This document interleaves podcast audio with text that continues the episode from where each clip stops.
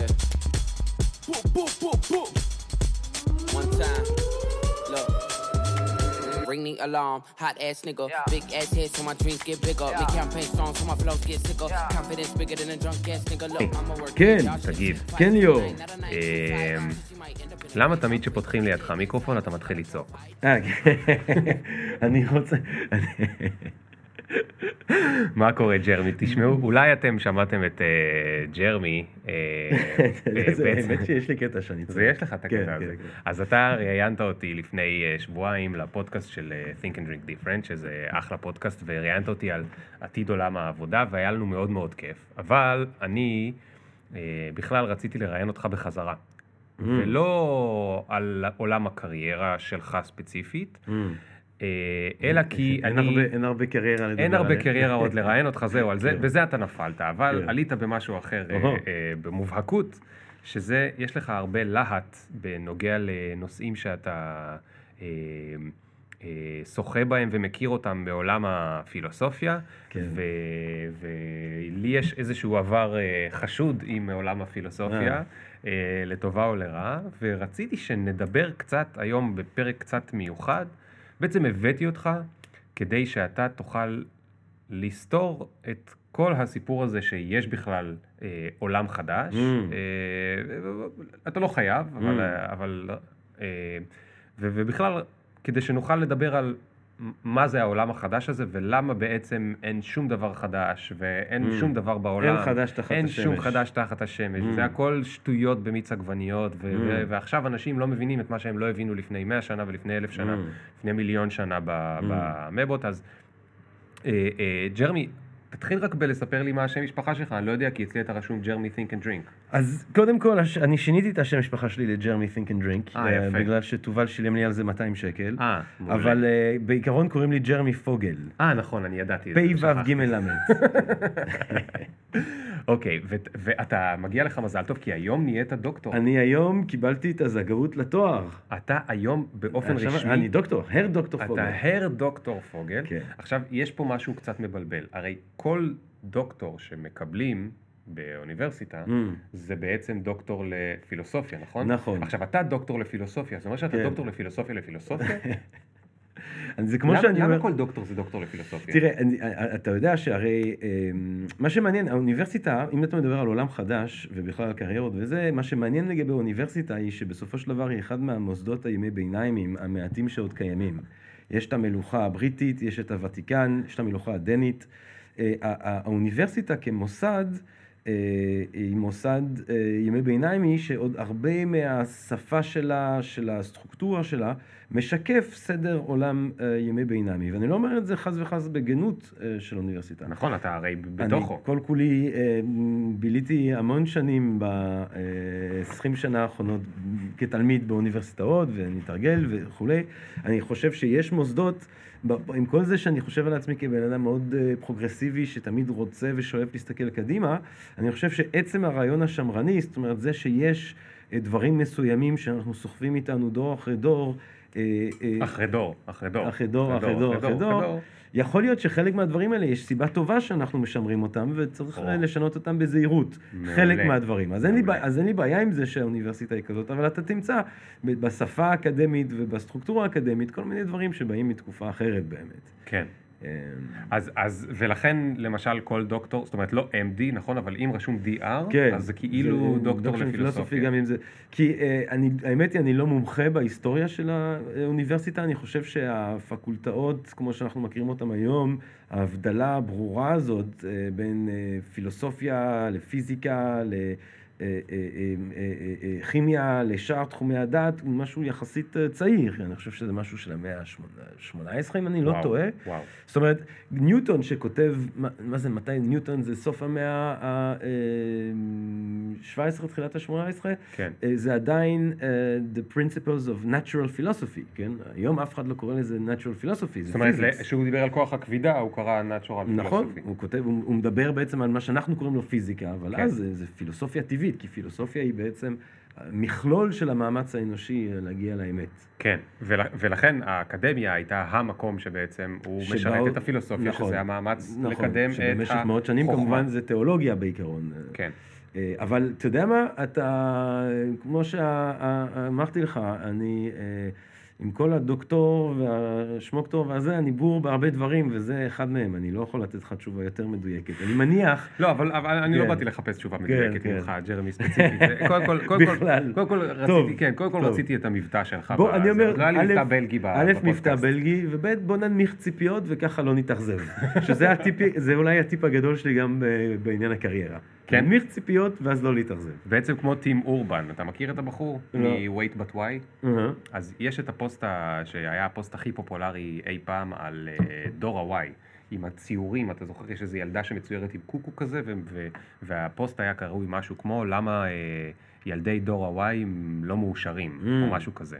ובסוף, מה שהטים אורבן, הכותב המהולל של Mm. Wait But Why, שזה הבלוג, הכי, אני ממליץ לך גם. Mm. תיזהר, כל פוסט זה בין 30 ל-40 אלף מילה, זה או-אה. כמו ספר קטן, או-אה. חצי ספר, אבל הוא, כל פוסט שזה זה ככה, כי הוא לוקח לו שבועות לחקור ואז לכתוב את זה, אבל זה כתוב בצפ, בשפה נגישה ומדהימה, והוא מסביר שם בפוסט ההוא, ה-TLDR שלו זה מה שאמרת, עושר שווה אה, אה, ציפיות פחות מציאות. אה, או מציאות. פחות ציפיות, כן, תלוי איך כן, אתה כן, רוצה... כן, אה, מעניין, זה, מעניין. בדיוק מה שאמרת. האמת, אני חושב שציינת אותו בפודקאסט הקודם שהקלטנו. יכול להיות, אני ממחזר. חומרים כשעולים לי אותם חומרים בראש. לא, אתה אוהב את. האיש, obviously אתה אוהב את האיש. אני מאוד אוהב את האיש, ואין לי מעניין. שום ציפייה שהוא יאהב אותי בחזרה. יפה, יפה, יפה מאוד. אז תגיד, אה. בתור מי שבא ממוסד ימי בינמי, כמו האקדמיה, רגע לפני שאני אשאל אותך מה דעתך על האקדמיה, שלא בטוח שאני אשאל אותך, אבל מה דעתך על המושג עולם חדש? הרי המושג כשלעצמו הוא, הוא בכלל לא חדש. תראה, אה, תן לי, תן לי אולי בכמה משפטים איך אתה מבין עולם חדש, ואז אני אחלוק איתך את דעתי על, ה, על הדבר אוקיי. הזה. אז, אז תראה, יש עולם חדש כביטוי כפשוטו. כן. וזה... כן. הרבה פעמים היו כל מיני אה, אה, זמנים שבהם כביכול היה עולם חדש. היה כן. קולומבוס עולם חדש, והיה כן. כל מיני כאלה עולם כן. חדשים. מה שאני מתכוון, בדרך כלל כשאני אומר עולם חדש בימינו, אני מתכוון לעולם חדש חדש. זאת אומרת, זה, זה גרסה שתיים של כמה חדש העולם יכול להיות. אהה. והוא כל כך חדש, שהוא הוא לא עולם חדש, אלא הוא עולם שהוא מתחדש, ממ. constantly, ממ. אוקיי? זאת אומרת, באופן רציף, ממ. וזה, ההבדל הגדול שאני אוהב לתת זה, נגיד, אצל, בימי סבתי, ממ. אז היא ראתה נגיד שני, אחד או שני שינויים גדולים בעולם ממ. בימי אה, חייה, ממ. אה, זיכרונה לברכה, ממ. ונגיד שאימא שלי אה, שחיה, ואני מקווה שתחיה עוד 60 שנה לפחות, אמן. אה, זכתה לראות אה, אה, שמונה, עשרה שינויים גדולים, Mm. ושינויים גדולים אפשר לדבר על שינויים שהם טכנולוגיים, או שינויים שהם גיאופוליטיים, אפשר Mm. להחליט איך רוצים. אז אני אזכה לראות אה, לא אותו דבר, ואפילו לא פי שתיים, אני אזכה לראות כנראה פי עשרה.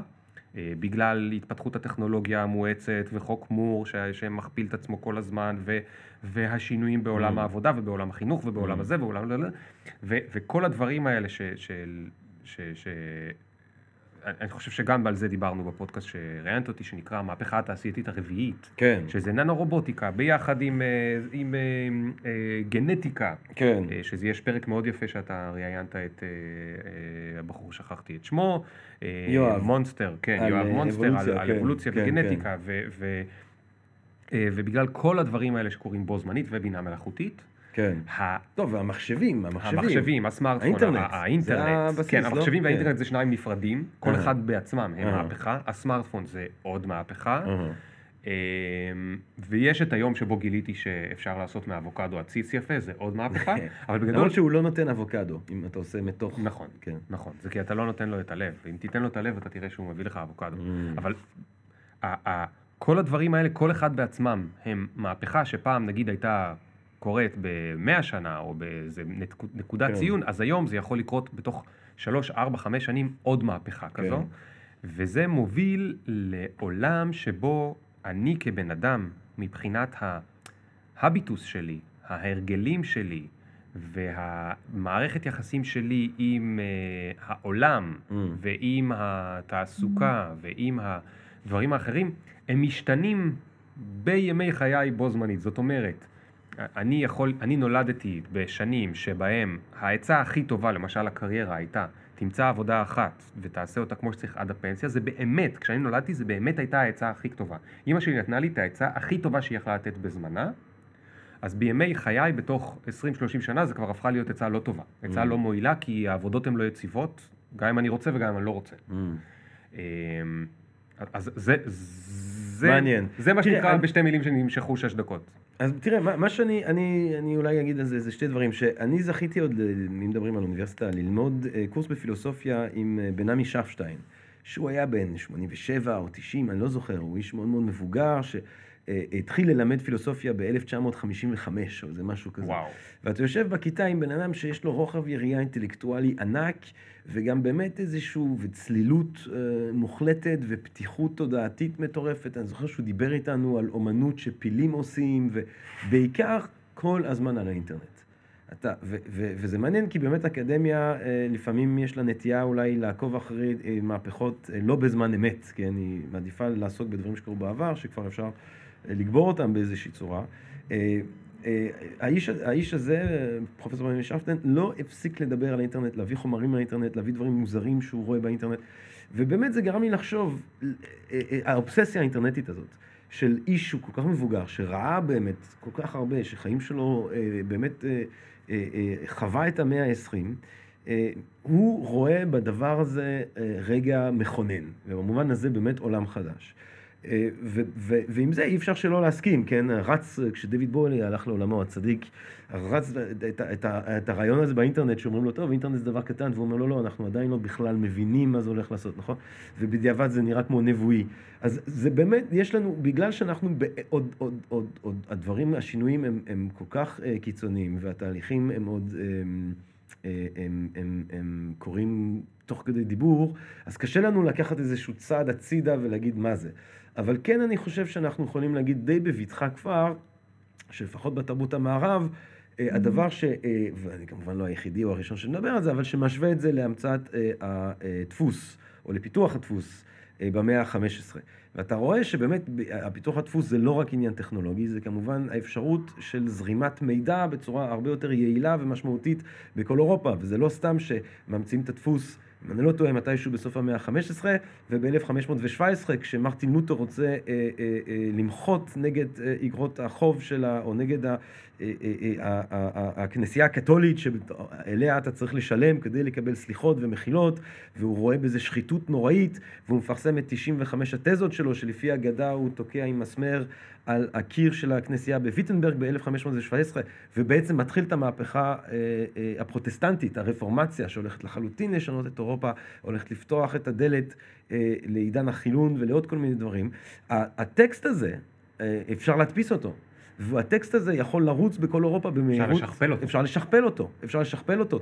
צריך לדמיין שעד להמצאת הדפוס, אם אני רוצה להעביר מידע ממקום למקום, אז יש לי אה, אה, נזיר, נזירים בימי הביניים, או עבדים בתקופה העתיקה, ויש אחד שמקריא, וכולם כותבים, ובסוף היום יש לך, אה, או בסוף החודש, יש לך 30 פעמים את אותו ספר, ואז הוא הולך למקום אחר, ואז גם יש טעויות בכל הדפסה, כי כל אחד לא הקשיב, הוא שם משהו אחר.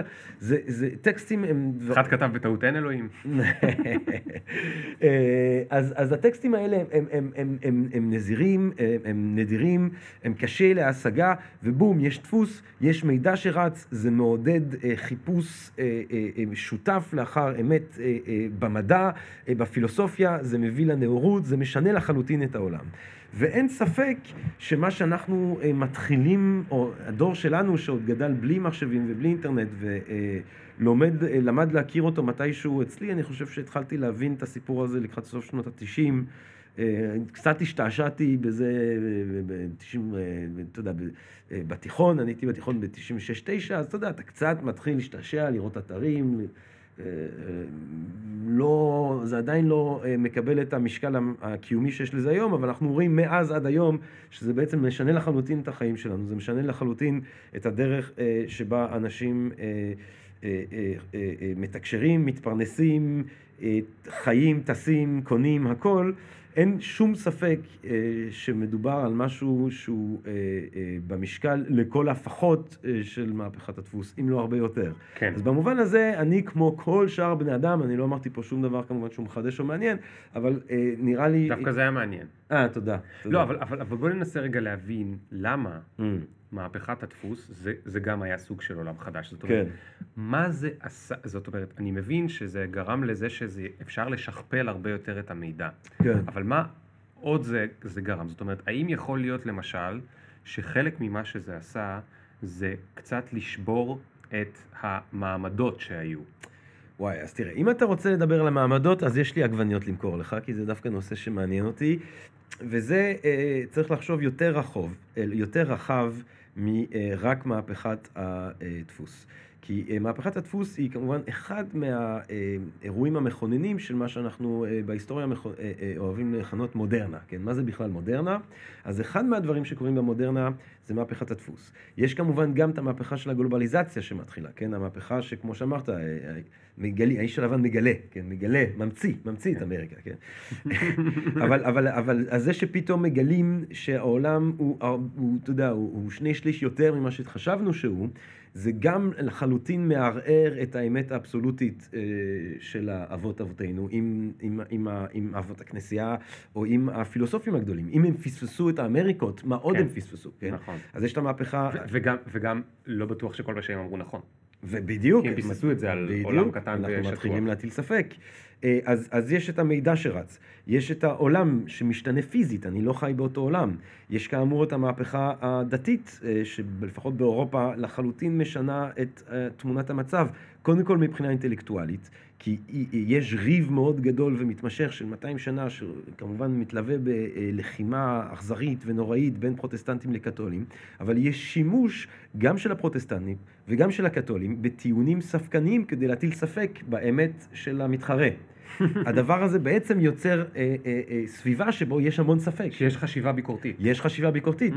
דקארט במובן הזה, כן, דקארט הוא ילד שגודל בלפלש, אה, ב, אה, אה, אה, דקארט הוא ילד שגודל בלפלש אה, בקולז' ישועי, שבו אה, אחד מהמורים שלו, פרנסואה ורון, מתמחה בלהשתמש בטיעונים ספקניים כדי להטיל ספק בפרוטסטנטים, כן? הוא כן, קתולי, ש... כן. אבל דקארט מבין שהטיעונים האלה, הטיעוני הספקנים האלה, הם אה, מטילים ספק לשני הצדדים, כן? ברגע, אז הקתולים אומרים, איך אפשר לסמוך על הרעיון הזה הפרוטסטנטי שהגאולה מגיעה לכל בן אדם דרך האינטואיציה הפנימית שלו, אי אפשר לסמוך על זה בגלל טיעונים ספקניים. כן. לכן, תמשיכו עם הספינה הזאת, ה- ספינת האם של הוותיקן שמובילה אותנו אלף שנה.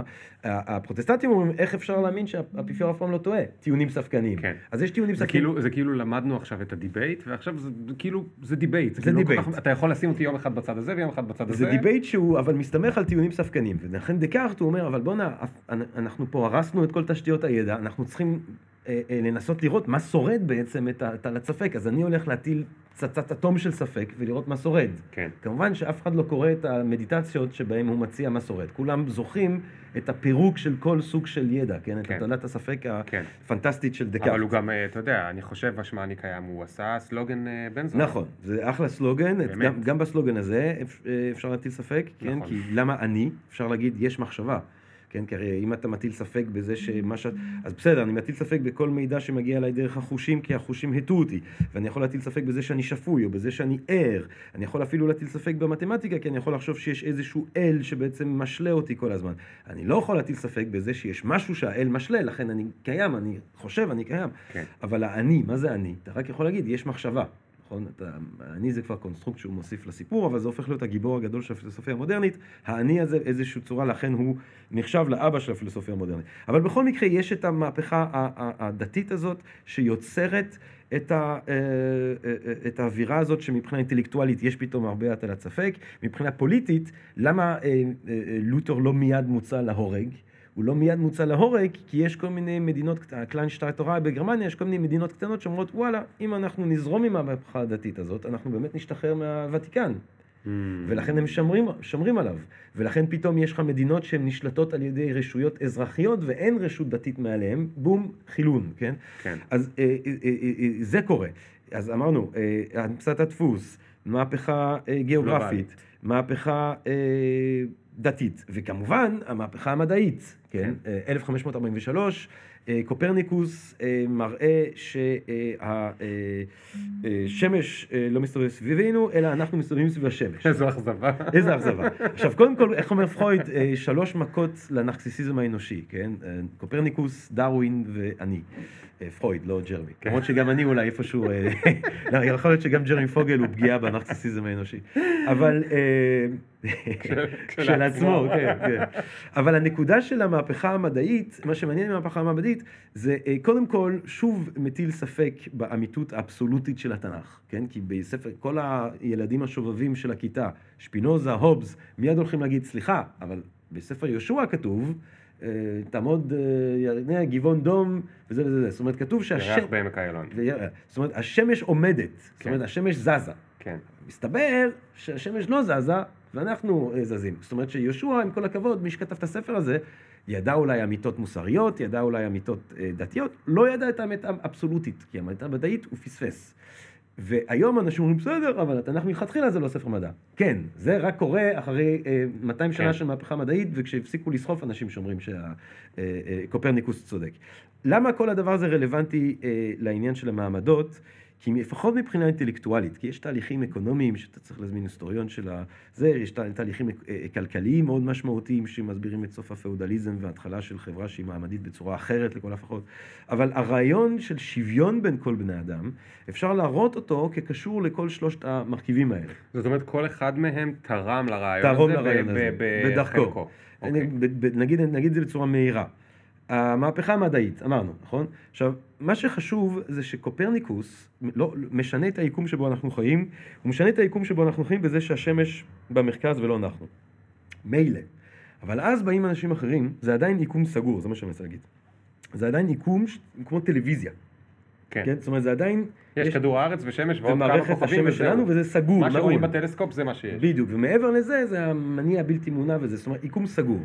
ביקום סגור, בקוסמוס, יש לך סדר. המילה קוסמוס ביוונית זה בכלל סדר, קוסמטיקה, כן? קוסמטיקה, קוסמוס, אותו שורש, סדר, כן? לסדר לעצמך את הפנים, באיזשהו שלב פיתגורס אומר, כל מה שיש הוא קוסמוס, כל מה שיש הוא סדר. אז ביקום סגור יש לך סדר.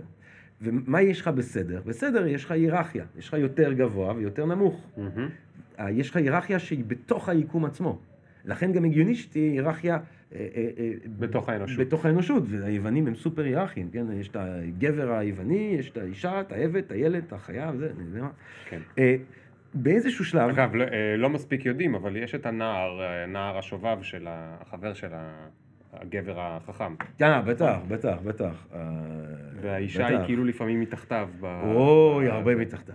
הרבה מאוד זה מתחתיו. לא יאומן. כן, הם ידעו, ידעו חיים טובים אה, מה הם ביוון העתיקה, בוא לא נתבלבל. עכשיו, אה, לא סתם שהם כולם חיים לגילאים מופלגים, אני חשבתי על זה פעם. היוונים?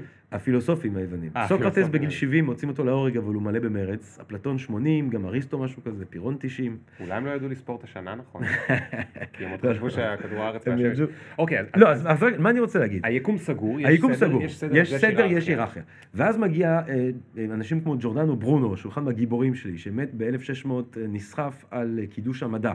שהוא, יש לו רעיון שגם מבוסס על האסכולה היוונית מסוימת, שהיא לא זאת שהפכה להיות מיינסטרים בימי הביניים, אה, אה, אה, אה, האטומיסטית, שהוא, בלי שיש לו סיבה אמפירית לחשוב את זה, יש לו איזשהו חזון מיסטי, לוגי כזה, של אה, אה, יקום אה, פתוח, יקום אינסופי. שכל הכוכבים האלה זה לא בעצם כמו שהם חשבו גלגל שמסתובב ועליו אה, הכוכבים ויש 52 אני חושב אצל אריסטו גלגלים מהמם. מסתובבים ובסדר אז הגלגל של השמש במר... אז השמש במרכז ואנחנו על גלגל ולא להפך אבל עדיין היקום סגור הוא אומר לא לא לא זה כוכבים אחרים וסביב הכוכבים האחרים יש עוד uh, כדורי לכת כמונו ובכדורי לכת כמונו יש עוד חייזרים ויש עולם אינסופי ורק זה מתאים לאל אינסופי עכשיו אותו שורפים הוא יושב שמונה שנים בכלא של על האינקוויזיציה זה שהוא אמר על שיש יותר מדי כוכבים? על זה שהוא אומר שהיקום אינסופי. הוא סותר לחלוטין את, ה, את העמדה של הכנסייה, כי זה גם מוביל לכל מיני בעיות תיאולוגיות. אם העולם האינסופי, אז למה בעצם אלוהים מתעסק... בעם-. בדיוק, והאם החייזרים מגיעים לגאולה דרך ישוע, זה פתאום נהיה מבלבל. אבל היקום הפך להיות אינסופי. רגע, אפשר לעצור פה שנייה? Mm. זה מבלבל. רצחו אותו כי הוא בלבל. כן. אבל, אבל, אבל רגע, מעבר לזה שזה בלבל, אה, זה, זה כי, כי מה הבעיה שם? מה הבעיה שהוא אומר ש- תראה, שהוא בא עם איזה רעיון משוגע? זה זאת אומרת, שאתה- זה בסך הכל, שנייה, כן, זה בסך הכל יש לו איזה רעיון משוגע. כן. כבר יש דפוס או אין דפוס? 1600, אה, אז יש, כבר יש דפוס. כן. אז מה פחדו, שהוא ידפיס את זה ויחלק לכולם? יזרוק תראה, פליירים מעל עזה? הוותיקן באותה תקופה מאבד אה, לאט לאט, מבין שהוא... תראה, הוותיקן זה בעצם מוסד שיש לו שליטה כמעט בלעדית על החיים הדתיים והאינטלקטואליים של אירופה במשך אה, משהו כמו אלף שנה. נכון, ולכן אני שואל, מה אכפת לו שאיזה שטוטניק מדבר, שיגיד שהוא משוגע ויגמור עם זה. אבל אה, אה, זה, אתה יודע, אה, זה לא להבין את, ה, אה, אה, את מה שאני חושב שהיא הפתולוגיה של דיכוי דתי, כן? למה, למה, למה, למה אכפת מסמוטריץ' שאנשים עושים אה, סקס אה, בהנאה רבה, אה, גברים אה, בשמחה ובקונסנט, אה, כן. בהסכמה מוחלטת? למה זה יושב לו על הראש? למה? חוץ, תראה, במקרה שלו ספציפית לדעתי זה קשור להדחקות מיניות גם, אבל, לא, זה ברור, אבל, אבל, אבל למה? כן, יש פה איזושהי אובססיה, יש פה איזושהי אובססיה קומפולסיבית, כן?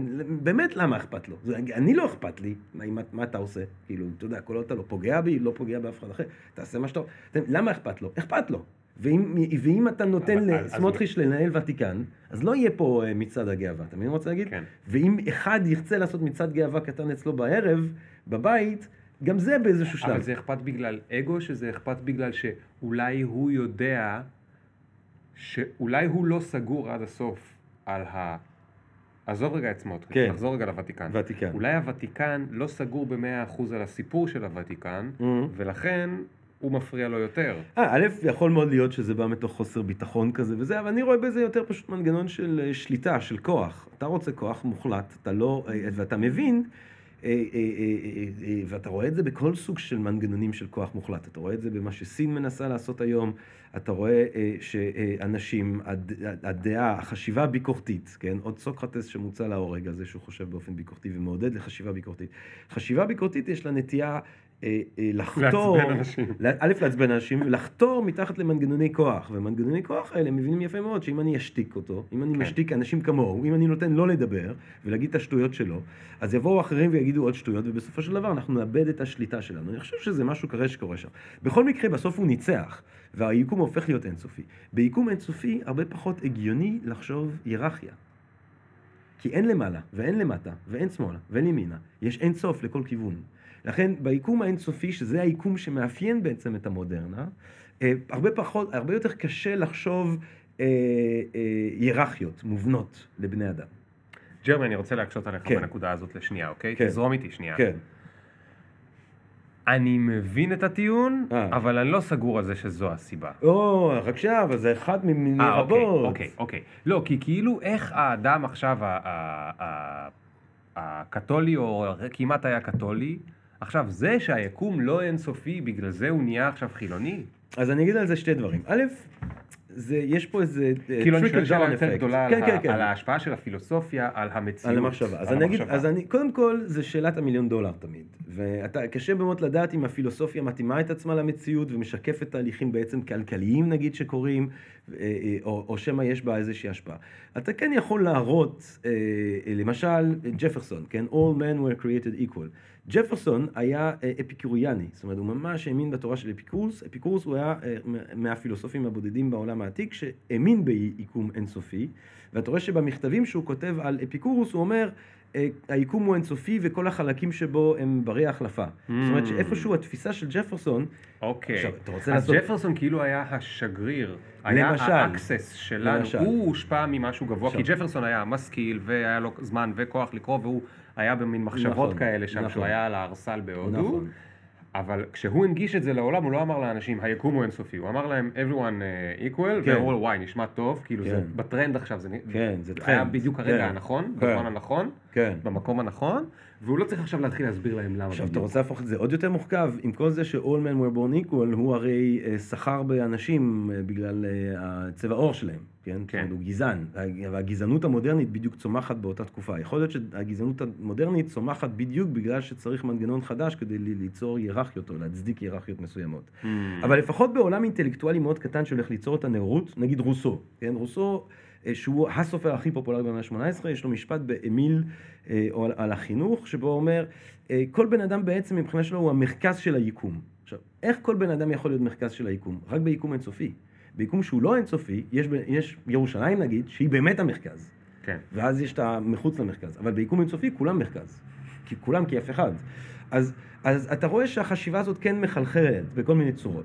אבל זה רק דבר אחד קטן. כן. מבחינה אינטלקטואלית, ואני מדבר רק מבחינה אינטלקטואלית, כי שוב זה התחום שבו אני קצת פחות בור, אני הרבה פחות יכול לדבר איתך על מה שקורה מבחינת uh, תהליכים כלכליים וכולי, שהם רוב הסיכויים הרבה יותר משמעותיים. אבל, אז אמרנו היקום האינסופי. ואז אמרנו הגלובליזציה, המהפכה המדעית מובילה לדבר הזה. דיברנו על הגלובליזציה, נכון? על הגילוי של האמריקות. אוקיי, אבל איך זה עכשיו עוזר? לשבירת המעמדות? כי אה, אה, אה, הרבה מהאינטלקטואלים של המאה ה-16, 17, 18, יש להם ממש אובססיה עם כל אותם עמים חדשים שפוגשים אותם. ועם כל אותם, וכל המידע שמתחיל, ישועים מתחילים לתרגם את קונפוציוס והחוכמה הסינית. ואתה רואה אובססיה, אנשים פתאום אומרים בואנה, אבל הסינים האלה הם הרבה יותר מפותחים מאיתנו, ואין להם בכלל נצרות. זה אתה רואה אצל וולטר, אצל לייבניץ, יש את הסיפור המפורסם של כריסטיאן וולף, שהוא אחד מהפילוסופים הגדולים, וקצת נשכחים, של תחילת המאה ה-18 בגרמניה, שנותן הרצאה על המוסר הגדול, המוסר היפה והמרהיב של הסינים, שהוא אה, גובר על המוסר האירופאי, הוא אומר, ומעיפים אותו מהאוניברסיטה. למה מעיפים אותו מהאוניברסיטה מיד? כי אם אתה אומר שהסינים יכולים להיות יותר מוסריים מאיתנו ואין להם נצרות, מה הערך של הנצרות? בסוף לא מספיק יחזירו. מוסרי. אה, כאילו, כנראה שיש כן, בעיה, אם כן. אפשר להיות מוסרי בלי נצחות.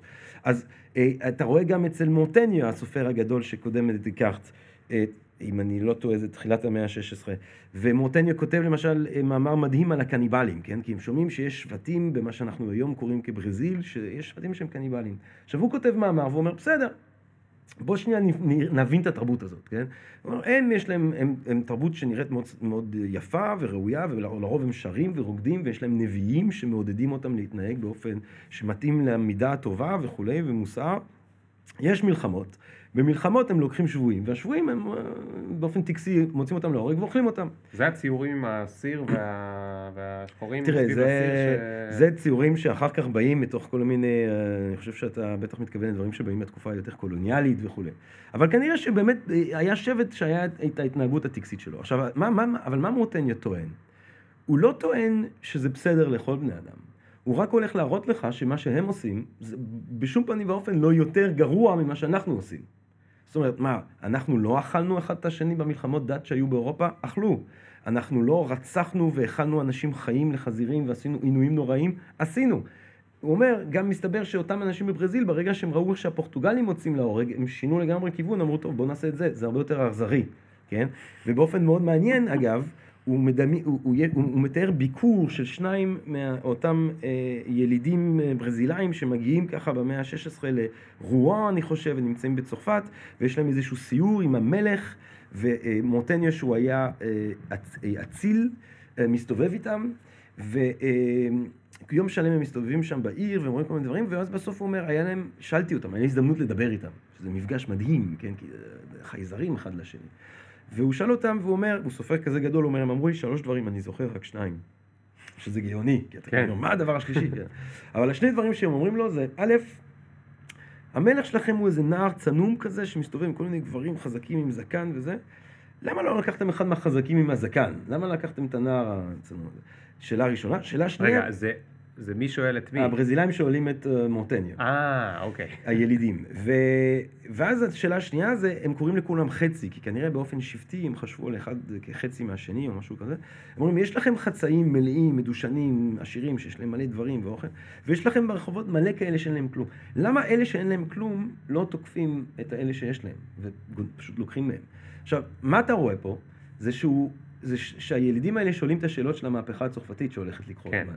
כאילו, כן. מהנקודת זווית של הילידים, מורטן יודע לנבא את המהפכה הצרפתית. מדהים. זאת אומרת שאת זאת אומרת, הוא יודע לנבא את המלך עירום. המלך עירום, הוא מבין שזה מגוחך, המלכו, השיטה הזאת, הוא מבין שהחוסר שוויון הכלכלי הזה לא אה, בר קיימא, ומי מי מבין את זה? מי, מי אומר לו את זה? אנשים שבטיים מברזיל. זאת אומרת, הגלובליזציה הזאת, המפגשים עם תרבויות כל כך שונות, כל כך זורות, גורמים לאנשים לחשוב, טוב, אנחנו צריכים אולי להירגע, חלק אני אומר, כן? אחר כך יש, יש קולוניאליזם ויש כל מיני בעיות. אני מדבר על האינטלקטואלים, האלה שכוננו את הנאורות. רעיון שלישי שמוביל את הנאורות זה הרעיון של התבונה, כן? התבונה כבסיס לידע שלנו, דיברנו על דקארט, בואו נפסיק להסתמך על אבות אבותינו, בואו נסתמך על התבונה שלנו, וההנחה היא, הנחה מדעית, כן, חוקי הטבע שווים בכל אה, מקום בעולם, והטבע האנושי צריך להיות אה, אותו טבע אנושי, ומה שבולט בטבע האנושי זה התבונה, והתבונה היא אותה תבונה בסין, באפריקה, בברזיל. אה, ואצל בני אדם בכל מקום, לפחות פוטנציאלית, אחר כך זה מקבל כל מיני נימים לאומיים וגזעניים, אבל בשלב, יש איזשהו רגע שיש רעיון של תבונה אוניברסלית, ושלושת הדברים האלה למשל יוצרים את התמונה האוניברסליסטית הזאת של הנאורות, כן? אתה יכול, זאת אומרת, אתה יכול לראות איך שהערכים האלה של שוויון של כל בני אדם וטולרנטיות לכל בני אדם ורעיונות כאלה צומחים מתוך המהפכות האלה שכוננו כן. את המודרנה, המהפכה המדעית, המהפכה הדתית, המהפכה הגלובלית וההנחה של התבונה שבאה בעקבות המהפכה המדעית וכולי וכולי. אז קורים דברים מאוד מאוד מאוד גדולים שלגמרי יגדירו את העולם שבו אנשים הולכים להתחיל לחיות. עכשיו, כדי לחזור בעצם למה שאמרת היום, כי היינו באיזה טיול ארוך כזה לעולם החדש הישן, אה, מוקדם עוד, לפחות אולי לא, אה, אתה יודע, בגלל שבאמת אני מסיים היום את הדוקטורט, והדוקטורט עסק בעולם ההוא, בעולם של הנאורות, אני הקדשתי הרבה יותר מחשבה, אה, באופן אולי דבילי, לחשוב מה קרה בנאורות מאשר מה קורה היום. אז, אבל אני בטוח שכאילו יבוא איזה טמבל בעוד אה, 400 שנה והוא ידע לספר סיפור אה, כלשהו על אה, תהליכים רחבים. אה, שמסבירים את המצב שלנו אתה, היום. אתה רואה, זה עובדה שאתה לא מאמין בעולם החדש. אה. כאילו החדש. שאתה חושב שעוד 400 שנה מישהו יצטרך שמישהו יספר לו את זה. מעניין. זה, זה כבר יהיה, לו, יהיה לך את זה בילד אין, שאתה תרצה לדעת את זה, אתה כבר תדע את זה, אתה לא תצטרך מישהו שיבוא לספר לך את זה. יכול להיות, האמת היא יכול להיות. תראה, אני תמיד אומר, אני ברמות אישית, אני, אני תמיד אומר שהנבואה היא, אה, הנבואה היא שאנחנו בני אדם כזן בדרך החוצה. כאילו הנבואה היא שבעתיד רחוק מאוד מאוד, בחלל רחוק מאוד מאוד, ייעלם הצורך האבולוציונרי בעצמות, ואנחנו נהפוך להיות, כפי שניבא וויליאם בורס, סוג של מדוזות. ובאמת אני יכול, רואה בזה משהו קיומי, אני מנסה לחיות את החיים שלי לפי העקרונות של הנכדותינו המדוזאיות. אני מנסה לי... אה, רגע, רגע, תכף נגיע לזה. 아, אה, אוקיי. אני דווקא אוהב לאן שאתה לוקח את זה. Alright. כי זה חשוב ל... האם לחיות כמו מדוזה זה יותר טוב או פחות טוב בעולם החדש הזה? כן. אבל רגע לפני זה, mm. אה, רציתי לשאול אותך. בטח. תראה, אתה תיארת לי פה בעצם שלושה ארבעה מהלכים, mm-hmm. שהם כולם השפיעו, אמנם לא באופן ליניארי, אבל נכון. באופן אקומולטיבי, באופן כן. שמצטבר על אה, שחיקת המעמדות. זאת אומרת, פעם היה מלך ועבד. ו... אני הייתי. אומר לא על השחיקת המעמדות הפיזיים, כי אז באמת, השאלה היא עד כמה הפילוסופיה משפיעה על זה, אבל על, על העולם האינטלקטואלי שבו אנשים מפסיקים לחשוב באופן כל כך מעמדי. כן, לא, אבל כן. בפועל מה שקרה זה שהפסיקו המע... המעמדות, נכון. אם זה מהסיבות שאתה הסברת, או מסיבות שלא הסברת, אבל מכיוון שרק אתה פה, אז נגיד שזה רק מהסיבות אני, אני הייתי מניח שוב שחשוב מאוד גם uh, תמיד להסתכל על ההיסטוריה הסוציו-אקונומית, קודם כל. והכלכלית, כן, כן, כן, וכולי וכולי וכולי, כן, היה כמובן... אה, גידול אוכלוסין, גידול אוכלוסין זה פחות משאבים, פחות משאבים אז אה, רבים על משאבים ועושים מהפכות וכולי וכולי וכולי, כן. זה גם עוזר, אבל בוא נדבר רגע על, דווקא על הדברים שכן דיברת, דיברת על אה, אה, מהפכת המידע הראשונה, נכון. הרבה לפני האינטרנט שזה הנייר, דפוס. הדפוס, כן. דיברת על מהפכת המדע וה, והספקות, כן. ודיברת על, מה היה השלישי? הגלובליזציה. הגלובליזציה, יפה. כן. אז עכשיו, בהינתן שלושת אלה. שהביאו בעצם לשחיקה ושחיקה ושחיקה ושחיקה, או תרמו גם הם, כמו mm. דברים אחרים, לשחיקה במעמדות, כי mm. ככל שיש יותר אנשים שפוגשים עוד תרבויות וכולי וכולי, אז המלך הוא עירום, ומבינים ש... ש זה שמישהו מהוותיקן לא רצה שאתה תשמע דעות אחרות, mm. כי אז אולי תתמרד, אז הוא סגר את הדעות שלך, אבל עכשיו שאתה יותר קל mm. להביא לך דעה אחרת, כי אפשר להעביר לך מתחת לדלת את הנייר mm. של לותר mm. וחבריו, אפשר להשפיע על המוח שלך יותר בקלות. נכון. אז עכשיו השאלה היא, סתם, האם אתה, האם אתה, או האם היה אפשר לשער שבהינתן שכל הדברים האלה הם מואצים, mm. הגלובליזציה מואצת mm, בגלל האינטרנט, כי נכון. אני יכול לעשות עכשיו סקייפ עם כל מי שאני רוצה בעולם, נכון בחינם. מאוד, בטח. אני לא צריך לנסוע בספינה ולמות כן. בסיכוי של 70 אתה גם יכול להיות בכל מקום בעולם תוך 24 שעות. אני יכול גם להיות שעות, בכל כן. מקום בעולם תוך 24 כן. שעות. Uh, האינפורמציה mm. uh, הואצה בצורה מטורפת, כי כן. אני לא צריך אפילו להדפיס ספר, כן, ואני לא צריך לשים אותיות כן, לא, כמו זה משוגע, מצחיק. משוגע. אני יכול פשוט לכתוב משהו, ובכל העולם עכשיו יראו- את זה, כן. כמובן מי שרק רוצה לראות. יש כן. עדיין בעיה של שפות, אבל כן. אם אני אשתמש באנגלית או סינית, אז מיליארד אנשים יכולים לקרוא. אמ, ומבחינת המדע, אני היום במקום שלפחות כי אני גר בישראל, זה אולי פחות נכון לסין, אבל אם אני גר בישראל או באירופה או בארצות הברית, לפחות בחלק הזה של העולם, אני יכול להגיד כמעט כל מה שאני רוצה Mm. בקול רם, ולא יראו בי או ייקחו אותי לכלא. כמעט כן. כל מה שאני רוצה. כן. ממש כמעט, אולי לא כדאי לי להישמע כמו טרוריסט, כי אז ה-CIA או השב"כ כן. ידפקו לי בדלת, אבל כמעט כל רעיון שאני אעלה ויטיל ספק בכמעט כל מה שאני רוצה, אני יכול לעשות. בהינתן ששלושת הדברים האלה, שכבר היו בעולם החדש גרסה הקודמת, כן. אז עכשיו אני טוען שהם מואצים בגלל אינטרנט, רשתות סלולריות וכולי וכולי וכולי. האם המעמדות בעצם יוכלו גם הם עוד יותר להישחק? זאת אומרת, אם פעם דיברנו על מעמד של מלך מול עבדים, עדיין יש הרבה סוגים של מעמדות או אי שוויון שנמצא. כן. אי שוויון ברמת חלוקת העושר, אי שוויון כן. ברמת אה, פערים עשירים עניים, אי שוויון ברמת אה, אה, גברים נשים, אי שוויון כן. ברמת אה, להט"בי, אי שוויון ברמת אה, שחורים אה, לבנים וכו' וכו' וכו'.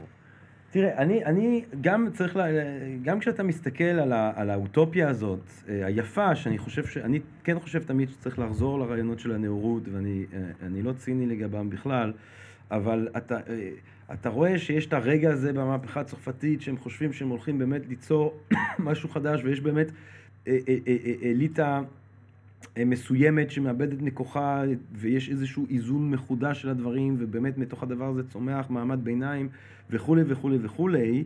אה, וכן, אה, נתונים מראים שהעניים של היום, אה, לפחות בחלק מהמקומות, פחות עניים מהעניים של פעם. עדיין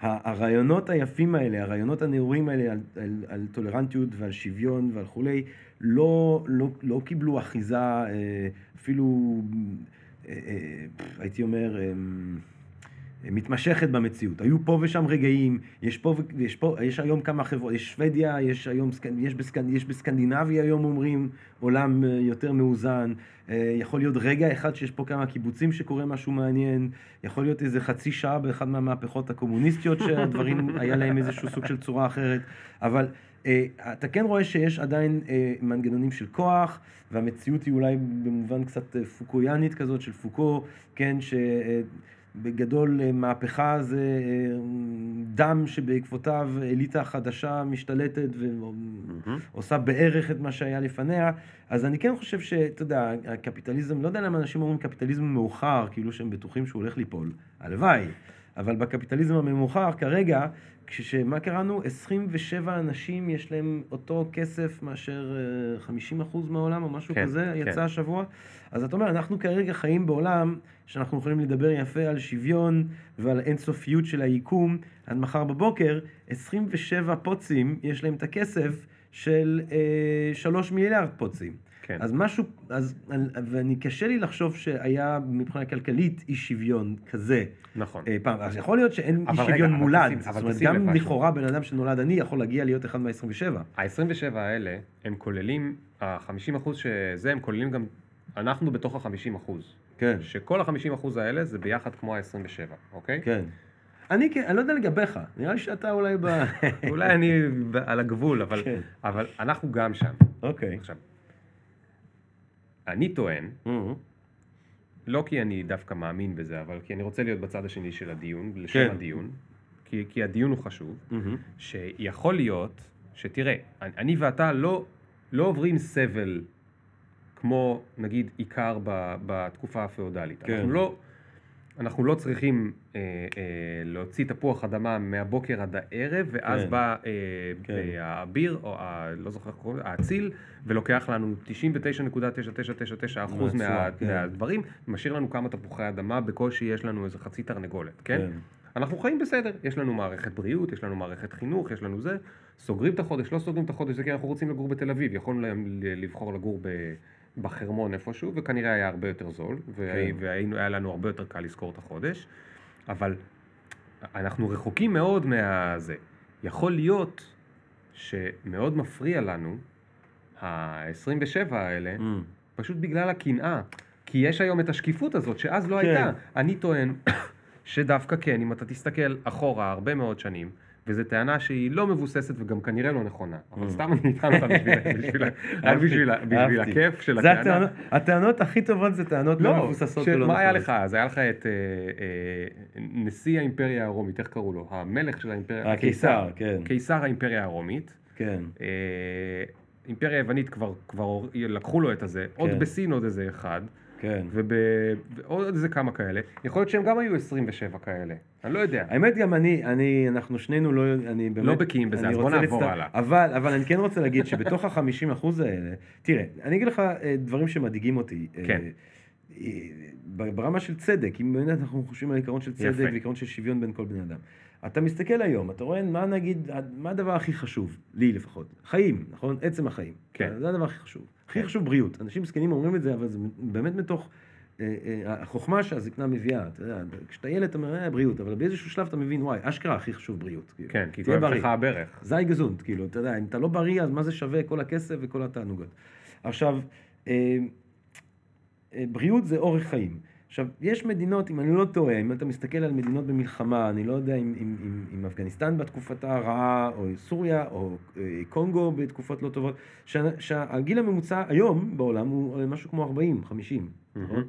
ויש מדינות אחרות שהגיל הממוצע הוא 85. נכון. עכשיו, ברגע שאתה מכניס לסיפור הזה גם השיפור ההולך וגובר של המעורבות הרפואית והיכולות ההולכות וצומחות אה, של הרפואה, אז יכול להיות לך פתאום אה, הבדלים מעמדות שהם אה, מתבטאים לא רק כמו פעם אה, באיזשהו סוג של אה, אה, אה, מיתולוגיה קיומית שבו אנשים מסוימים יש להם מקום אחר בקוסמוס ולכן אתה לא יכול אה, להגיע למעמדם, אבל יש פה משהו אה, אולי אפילו הרבה יותר קשה להתגבר עליו, כן? ברגע שיש לך זן של בני אדם שהם הם מהונדסים גנטיים והם כולם אה, גבוהים וחיים עד לגיל 400 או 500 או 1,000 אה, כי הם מהונדסים גנטית והם יכולים, אה, יש להם את הכסף להשתמש בטכנולוגיה שמשמרת חיים למאות שנים קדימה, אל מול מעמד נמוך שהוא שמן, טיפש, אה, אה, חולה, אה, ופשוט גנטית, פיזית, ביולוגית פחות אה, מפותח, אז אתה ממש מגיע למצב שיש לך ש- אה, אה, אה, אה, זנים, אה, לא היה לנו כזה דבר מאז אה, עם הניאנדרטלר וההומו ספיאנס. אז יש לך, אתה יכול להגיע גם למצב ש, ש, שאם אנחנו לא דואגים לשוויון בדורות הקרובים, מהמם. אנחנו מגיעים למצב של אי שוויון שכבר אי אפשר יהיה להתגבר עליו עם שום מהפכה אה, צרפתית יפה. או אחרת. יפה. אז כאילו, אני, לא, אני באמת לא יודע. אני כל כך מסכים איתך, אני סתם קודם הרגזתי, כי רציתי בסוף שאתה, ממך יישמע בעצם כאילו שיש עכשיו עולם חדש. מה שאני רוצה להגיד לגבי העולם כי חדש העולם עכשיו... החדש הזה שהרגע הזכרת אותו, הוא מדבר על, ה, על כל המשחקים הגנטיים שממש בימים אלה כן. הופכים להיות אמיתיים. כן, יש את הסיפור הזה בסין, אה, שמה? שזה כמה רופאים הולידו ילדים שכאילו מהונדסו מהונדסים גנטית. כאילו לא ב... כן. וגם אם לא, אז יהיה בעוד עשר שנים, עוד עשרים שנה, או חמישים שנה, אפילו מאה שנה. זה יכול לקרות עכשיו טכנולוגית, נכון. יש איזשהו מעצור אה, אתי כזה. אבל אני אגיד לך משהו לגבי, מה שאני כן רוצה להגיד לך לגבי העולם החדש, שאני מבין בו הרבה פחות ממך ומהמאזינים של הפודקאסט שלך, שבטח כאילו אה, עוסקים בשאלה הזאת הרבה, אה, מתוקף זה שהם מקשיבים אה, לפודקאסט קודם כל, אבל אני רוצה להגיד משהו על ה... מה שלא משתנה כרגע. או, מעולה. זה מה שאני רוצה להגיד. וזה קשור למדוזות? לא, אה, אז כן, אוקיי. בטח, יופי. כי זה גם לדעתי לא ישתנה אצל המדוזות. יפה. אתה יודע, אה, הסיבה לזה שסוקרטס נחשב בעיניי למכונן של המסורת הפילוסופית, לאבא של הפילוסופיה, וכל מי שבא לפניו זה פחי-סוקרטים, ואז יש סוקרטס, ואז אנחנו ממשיכים הלאה. אה, בעיניי זה משהו שמשתקף בהתחלה של האפולוגיה, של המשפט שלו, של ההגנה שלו במשפט. ויש שלב שהוא אומר, אני קודם רגע, תתן שנייה רקע, לא כולם מכירים את סוקרטס, אה, סוקרטס אה, ב-399 לפני הספירה, האיש בן 70, אחרי חיים שלמים אה, שהוא חי באתונה, הוא גיבור צבאי, אמא שלו מיילדת, אבא שלו פסל, כנראה שהוא עבד כפסל, עד לשלב מסוים שהוא מקדיש את עצמו לחיפוש לאחר האמת. החיפוש הזה, המסע הדלפי, הוא בעצם עושה אותו ביום-יום. הוא מסתובב באתונה, פוגש אנשים ושואל אותם שאלות. כן, מעצבן את כולם. מעצבן את כולם. שואל שאלות, אה, אה, אה, האלן חוי, התישול הסוקרטי, שואל שאלות לאנשים, שואל, אה, או, אתה גנרל, ותמיד עם אירוניה כזאת, אולי אתה תוכל להסביר לי מה זה צדק? ואז הגנום אומר לו, בטח שאני יודע מה זה צדק. צדק זה כשאתה עושה ככה וככה. ואז סוקרטס יגיד משהו כמו, אה, אבל זה דוגמה. אני רציתי הגדרה, אני רוצה קריטריון כדי לדעת בכל רגע, לגבי כל דבר אם הוא צודק או לא צודק. ואז הוא נותן לו הגדרה. ואז סוקרטס אומר, טוב, נו, אתה צוחק איתי, כי לפי ההגדרה הזאת, הדבר הזה שהוא צודק באופן מובהק לא מוגדר כצודק, והדבר הזה שלא צודק באופן מוגדר, כן מוגדר. אז הוא נותן עוד הגדרה, סוקרטס שוב סותר אותה, עוד הגדרה. סוקרטס שוב סותר אותה עד שהוא מביא אותה לאפוריה, למבוכה. כאילו, לרגע שבו הנאשם הבן אדם מבין שהוא חשב שהוא ידע, אבל מסתבר שהוא לא יודע. כן. וכנראה שסוקרטס ההיסטורי, בזה הוא היה, אה, אה, בזה היה נגמר השיחה. הרוב מתחילים לקלל אותו. ולפעמים בשם אפלטון. אפלטון בעצם כותב את כל הדברים האלה. סוקרטס לא כתב מילה, סוקרטס חשב שהפילוסופיה זה, זה המאמץ הזה, של השיחה הדיאלוגית הזאת החיה. אפלטון כותב את כל הדברים האלה. יש את השאלה הנצחית, איפה סוקרטס מפסיק ומתחיל אפלטון. ואני... אה, ומאיפה אפלטון ידע את כל מה שעבר על סוקרטס, והאם כן. הוא היה הוא בעצם? הוא הסתובב איתו, זה אנחנו כן. יודעים, כן. שהוא היה אחד מהאנשים שמסתובבים איתו, אה, אבל אה, אני, אתה יודע, ההנחה הרווחת במחקר זה שיש את הדיאלוגים המוקדמים שהם קצרים ונגמרים באפוריה, שבו סוקרטס פוגש מישהו. מראה לו שהוא בעצם לא יודע על מה הוא מדבר ובזה זה נגמר. ואז יש כל מיני דיאלוגים שבהם נכנסים רעיונות על האידאות, הצורות והפוליטאה וכולי וכולי וזה אה, כבר מרגיש כמו משהו שונה וזה כבר אומרים זה רעיונות של אפלטון. אז חושבים שהדיאלוגים המוקדמים הוא פשוט רצה אה, לשמר את המורשת של המורה שלו וכתב דברים שמזכירים את סוקרטס ההיסטורי, ואז עם השנים הוא כבר מפתח את התורה שלו ומכניס גם אותה דרך הפה של סוקרטס. כן. אז אני פה לשם הדיון מתייחס לסוקרטס כסוקרטס שמשתקף בדיאלוגים אה, המוקדמים. ובדיאלוגים המוקדמים הוא... כולם, כולם ממש שמחים שעצרתי אותך על הנקודה הזאת. כן.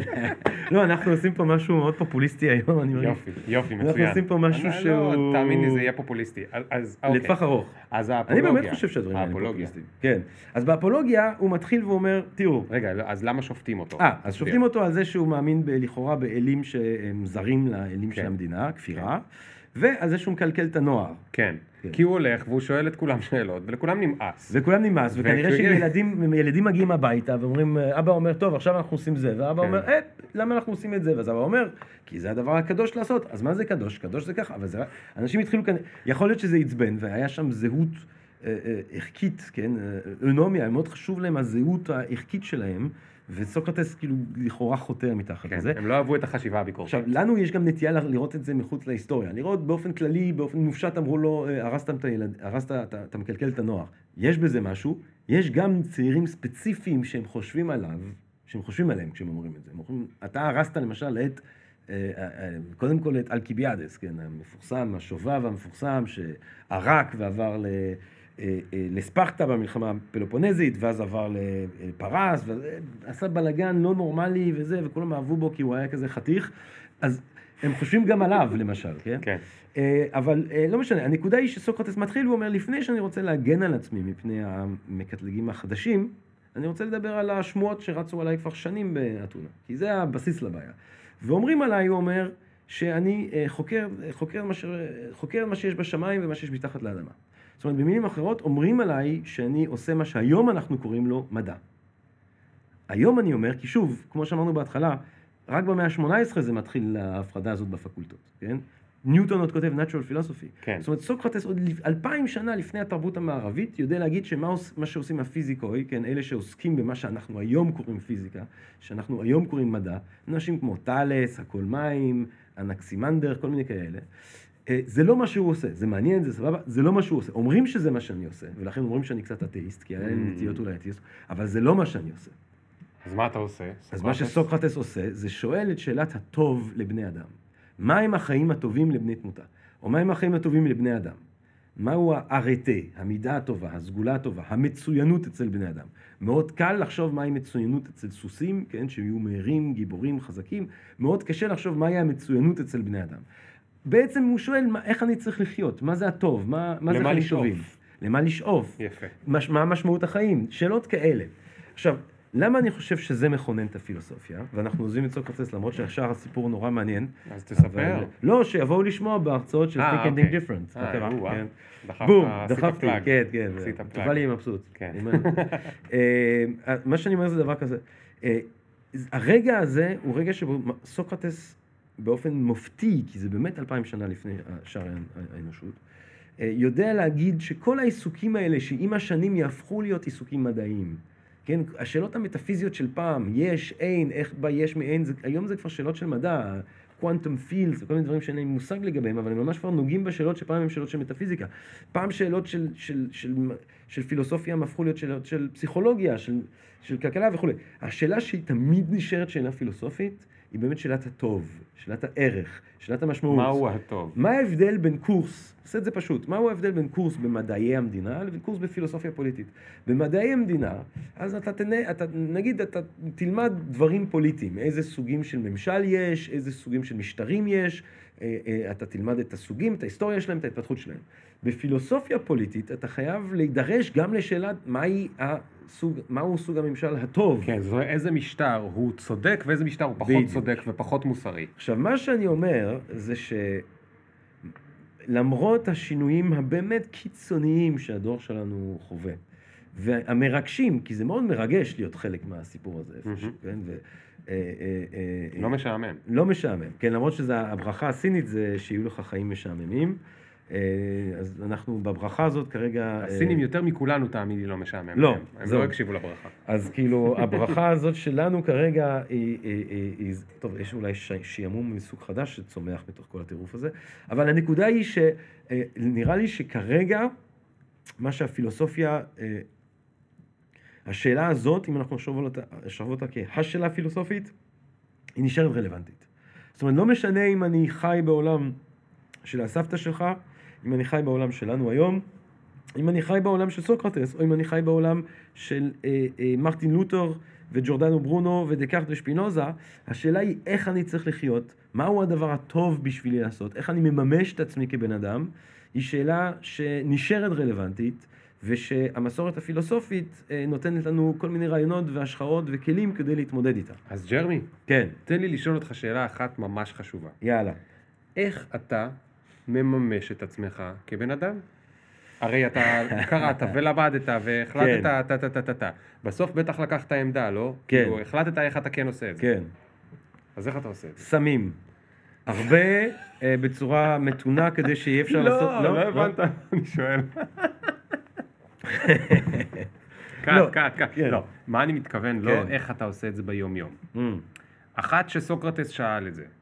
ושתיים, ששום דבר לא השתנה. כלומר, אלפיים שנה, כולם כן. דנים בזה. כן. מכאן, מכאן ומכאן, ואתה אומר, גם היום, כן. מדוזה או לא, אני דן בזה. כן.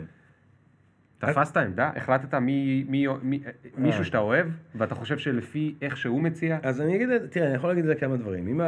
לפי סוקרטס אתה חי? אני אתה חי, תראה.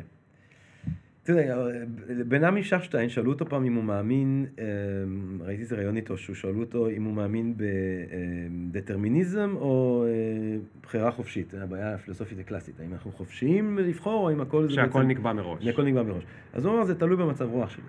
אה, ואני חושב שזו תשובה מדהימה. אז כאילו, אני, יש לי, אתה יודע, יש לי לפעמים מצבי רוח אה, שפינוזיסטיים, ויש לי מצבי רוח אה, שופנהאורים, אה, פסימיים יותר וכולי. אבל אני כן, אני, אני, למי שאתה דיברת איתי על הפודקאסט שעשיתי על ניטשה, אז אני לא אתחיל פה להיכנס אולי יותר למידה על וואי, זה ניטשה. פרק מצוין. תודה כדאי רבה לך. לשמוע. אז אנשים ש... אבל אתה חייב משהו. אז אני אגיד שבאמת... כי ב- לא, אני אסביר לך למה זה כל כך חשוב. כן, כי עד עכשיו, במה שנקרא בשפה לא יפה, זיינו את השכל. נכון. שאני מאוד אוהב את זה. ואני- כן. וגם אתה, אחרת כן. לא הייתי קורא לך לעשות את זה איתי. כן. באופן כל כך מקצועי. אתה- אני מקצוען בתחום. מה זה, זרקת, אנשים כן. פה כבר אה, הפסיקו בפקקים, הם- הם רושמים רשימות. כן. אבל, Mm. בסוף, Mm. מה שמשותף לכמעט, בטח כל מי ששומע את הפודקאסט הזה, כן. זה שאלת המימוש העצמי. Mm. זאת אומרת, יש לי עכשיו, אני צריך להחליט כמה אני חי, וכמה אני משקיע בקריירה שלי, וכמה אני משקיע במשפחה שלי, וכמה אני משקיע בחברים שלי. ואם אני לוקח את הקריירה שלי, האם קריירה בינונית היא טובה לי, או שאני לא רוצה להשיג קריירה בינונית, אני רוצה קריירה מצוינת. ואם היא לא זה, ומצוינת זה אומר שמשלמים לי הרבה או שלא משלמים. זה- אנשים שזה מה שמעסיק אותם, אחרת הם לא היו מקשיבים לפודקאסט. אחרת הם היו הולכים ורואים עכשיו כדורגל, או, או מקשיבים לגלגלצ, או עושים כל דבר אחר שהוא מכובד לא פחות, אבל זה מעניין אותם השאלה הזאת. ולכן, בהינתן כל הדברים שדיברנו עליהם, והעולם החדש וחדש ולא חדש וכולי וכולי וכולי, אתה כג'רמי, כמישהו שבעצם הלך ושמע הרבה מאוד דעות, כן. איך אתה, איך אתה לא חושב שכולם צריכים, איך אתה, איך אתה רואה את עצמך, איך אתה לוקח את הבחירות, איך אתה, איך אתה מחליט מהו מימוש עצמי אה, ראוי בעיניך? כן. תראה, אז אני אגיד, יש לי שלוש דמויות אולי שאני אציין. אה, כמה זמן אצלך זה פודקאסט? כמה ש- אנחנו- כמה ש- כן? עד שנמאס אז, לי. אז, אז, אז ככה שלפחות אני אגיד תדבר את שלוש, חופשי, שלושת מקסימום הדמויות אני אגיד האלה. לך אני, ביי. אני אגיד את זה מאוד בקצרה. אוקיי. אמ, קודם כל, אה, ה- אמ, הגאון הענק, הנשגב, ליאונרד כהן, כן, יש לו ציטוט כזה שאומר, אמ, אני אף פעם לא התעשרתי, אה, לא מצאתי אה, אהבה, בואו אחריי, כן? ומה שאני רוצה להגיד עם זה, זה שאני באמת הבן אדם האחרון שיכול לבוא לתת טיפים על איך לחיות חיים אה, אה, מוצלחים, אה, או חיים, אה, אה, אה, אה, זוגיות או קריירה, או כל מיני דברים שבאמת, אני, אז, אז אני לא רוצה פה לבוא ולהגיד, הנה, אני פה רוצה להגיד לכם תעשו ככה וככה, כי- לא, זו שאלה אינטלקטואלית. אבל, אבל שאלה, אתה שואל לי אישית, אז יש לי לזה, יש לי מחשבות, כן? אז קודם כל, באמת הפילוסוף שלי, אמ, לפחות בשנותיי הצעירות, אה, הגדיר לי את ה... את ה אגב, רגע, אני חייב אה, לעצור רגע. בטח. זה לא בטוח ש, ש, שכל מי ששומע את הפודקאסט, המטרה שלו היא להתעשר. לא, בסדר זה לא מה. שהגדרתי. כן, ההגדרה שהגדרתי היא מימוש עצמי. כן. whatever that means. כן, או לפחות כאילו אה, אה, אתה יכול להגיד, אני להתפרנס חושב, באופן אתה שלא יכול להגיד, אני אפילו לא. חושב שאני מממש את עצמי. כן. זה משהו אחר. תראה, אני מרגיש, אני לא יודע, אני לא רוצה להגיד, אני, אתה יודע, זה מוקדם. בעיניי אתה מממש את עצמך, לפחות במובן של הפודקאסט, אתה מממש אותו מצוין. אה, תודה רבה. אני גם בן אדם בגדול די מבסוט כרגע. או, נו, יום יום מעולה. שעה שעה, אני לא רוצה זה, אבל כן. אני בן אדם מבסוטי. אני בעיניי גם חי חיים שעלולים להוביל למצב שאני אהיה מאוד לא מבסוט בעוד 20 שנה, אם אני עדיין חי. אני די בונה על זה שזה ייגמר לפני, אבל אי אפשר לדעת. מה שאני רוצה להגיד אבל זה שבאמת, אמ, אני זוכר, אני ממש זוכר, אה, וזה מי שרוצה לשמוע את כל מה שיש לי להגיד על, אה, או חלק מה שיש לי להגיד על ניטשה, שישמע את הפודקאסט, על ניטשה. נשים את אה, הלינק. תשים את הלינק. אבל, אבל ניטשה זה היה פילוסוף שק, ששמעתי אותו, הייתי בן אה, 19, בן 20, אה, עשיתי תואר ראשון באנגליה, ואני לא ידעתי בדיוק למה אני הולך ללמוד פילוסופיה, אבל הגעתי לרעיונות האלה, והרעיונות האלה הם היו כאילו התשובה שלי, שלא ידעתי שחיפשתי. היה לי תחושה שהנה, אני עכשיו... אה, בשביל זה באתי ללמוד את הדבר הזה, כי מצאתי עקרונות שלאורם אני יכול לחיות. העקרונות של ניטשה אה, במשפט, חיוניות, חיוב חיים, אמירת כן לחיים, כן? העקרונות של מה ניטשה... זה אומר חיוב חיים? זה רוצה להגיד שאתה מסתכל על החיים שלך ואתה אומר להם כן. אה, וניטשה נותן לנו משחק מחשבה כזה, שעוזר לנו אולי לממש או, או, או לחשוב את הרעיון הזה, וזה הרעיון של החזרה הנצחית. כן? החזרה הנצחית במדע העלי, זה אחד מהספרים הגאוניים שלו, ניטשה מציע את הניסוי המחשבתי הבא. הוא אומר, תדמיינו שמגיע אליכם דמון. והדמון... שד. שד. והשד אומר לך, החיים האלה שאתה חי אותם עכשיו, רגע אחרי רגע אחרי רגע אחרי רגע אחרי רגע, הרגעים הגדולים, הרגעים הנמוכים, הרגעים המשפילים, הרגעים הנשגבים, הרגעי עושר, רגעי עצב, כל הרגעים ממש, ממש בסדר שבו אתה חי אותם, אתה תחיה אותם שוב ושוב ושוב ושוב ושוב ושוב ושוב ושוב ושוב ושוב ושוב לנצר נצחים בדיוק באותה צורה. עכשיו, אתה יכול לחשוב, מה זה הרעיון? רגע, מה, הוא שואל אותי אם אני רוצה, מה הוא אומר לי השד? אז בוא, בוא, בוא נתחיל לחשוב. השד מציע לך את הדבר הזה. אה, הוא מציע לי. הוא מציע, עכשיו, אה, זה- זה זה הפתרון שלו לתת לי חיים אינסופיים. זאת אומרת, הוא אומר, אתה תחיה שוב, אבל בדיוק, אותה, אותם חיים. בדיוק אותם חיים. עכשיו, אוקיי. ניטשה, בכתבים שהוא לא פרסם, השתעשע עם האפשרות שהרעיון הזה הוא באמת מתקיים. אה, אה, פיזית, מדעית, מטאפיזית אונתולוגית כזה, כן? הוא השתעשע עם האפשרות שאתה יודע, ביקום אינסופי, אינסוף חומר, אינסוף זמן, הקונסטלציה האטומית שיוצרת את הרגע הזה, מתישהו תחזור על עצמה, תחזור על עצמה פעם שנייה, פעם שלישית, פעם שלישית ורביעית, חזרה נצחית. אבל זה לא מוקד הכובד. מוקד הכובד זה חיוניות, חיוב חיים, אמירת כן לחיים. זאת אומרת, מוקד הכובד זה בדיוק כמו שאמרת, זה איך אתה מגיב להצעה הזאת. אה, וניטשה רוצה לומר שמי שמגיב להצעה הזאת, לא באומרו, טוב, אני מוכן לספוג את זה, אלא להגיד, אתה יודע מה, מה שאמרת לי זה נשמע לי אלוהי. אני רוצה להגיד לזה כן. אני אומר כן לחזרה נצחית. אני חושב שהחיים שלי הם חיים שיש בהם משהו כל כך... אה, אה, נס- כל כך נכון, יפה, כל כך נכון נכון, בשבילי. כל כך אה, אה, אה, ראוי, כל כך מקודש, שהייתי רוצה שהדבר הזה יהיה לנצח נצחים. rewind play, rewind play, שזה יימשך ביקום, שהדבר הזה לא יימחק. שזה בדיוק מה שלא היית רוצה אם יש לך חיים שאתה שונא אותם, כן? אם יש לך נכון. עבודה שאתה לא סובל אותה, ויש לך משפחה שאתה מנוכר ממנה, ואתה בזוגיות שאין לך שום סבלנות אליה, אז אתה אומר, אתה יודע מה, בוא, תן לי לגמור עם זה. בוא נגמור עם זה, ושזה ייעלם מהרקורד, כן? כן. שזה לא יהיה רשום ברקורד, ש, ש, שזה ייעלם כלא היה, כן? וניטשה אומר, איפשהו זה ה- זה המובן, זה כאילו... אבל, אבל, אבל, אני רגע... אז רק שאני חייב- רק אסיים עם אוקיי. זה, אני אגיד, אה, אה, אז העיקרון מוביל מאותם, אה, מהלימוד, מהמפגש הזה עם ניטשה אצלי בחיים, זה היה, תחיה חיים שאתה מוכן להגיד להם כן. החזרה הנצחית היא סוג של מראה קיומית שאתה מסתכל בה, וכשאני מסתכל בה, אני רוצה להגיד כן. אני רוצה להגיד, אני, אני, אני שואף להיות במצב שאני מסתכל על עצמי, על מי שאני, על מה שאני, ואני אומר, אתה יודע מה, הסרט הזה, כל הרגעים שהובילו אליו, אה, וכל הרגעים שעוד יבואו, למרות שאני לא יכול לדעת כרגע, אבל כל הרגעים שהובילו אליו והרגע הזה זה, מבחינתי לנצח נצחים. אני מוכן לחתום על זה. מדהים, אבל, כן, הנה השאלה שלי. כן. קודם כל, זה הדרך הכי מדהימה ומעניינת ומורכבת ששמעתי. אבל אה, שעלולים לפשט אותה. תדמיין כזה ציור של ים, אהה, ויש שם משפט אחד כזה. בפונט של קלישאות, אהה. ורשום, אה, תחיה עכשיו כאילו שאתה הולך למות מחר. אה, אוקיי. כן, לא, כן. זה נשמע כאילו, כן. אני אמור, מה אני אמור להסיק? שאני צריך לחשוב רק על מחר, ולחיות כן. את החיים הכי טובים, וללכת, לצאת, לשתות ולעשות סמים ולעשות כיף, כן. ומה אכפת לי אה, ממחר, אבל לא נראה לי שלזה ניטשה התכוון. לא.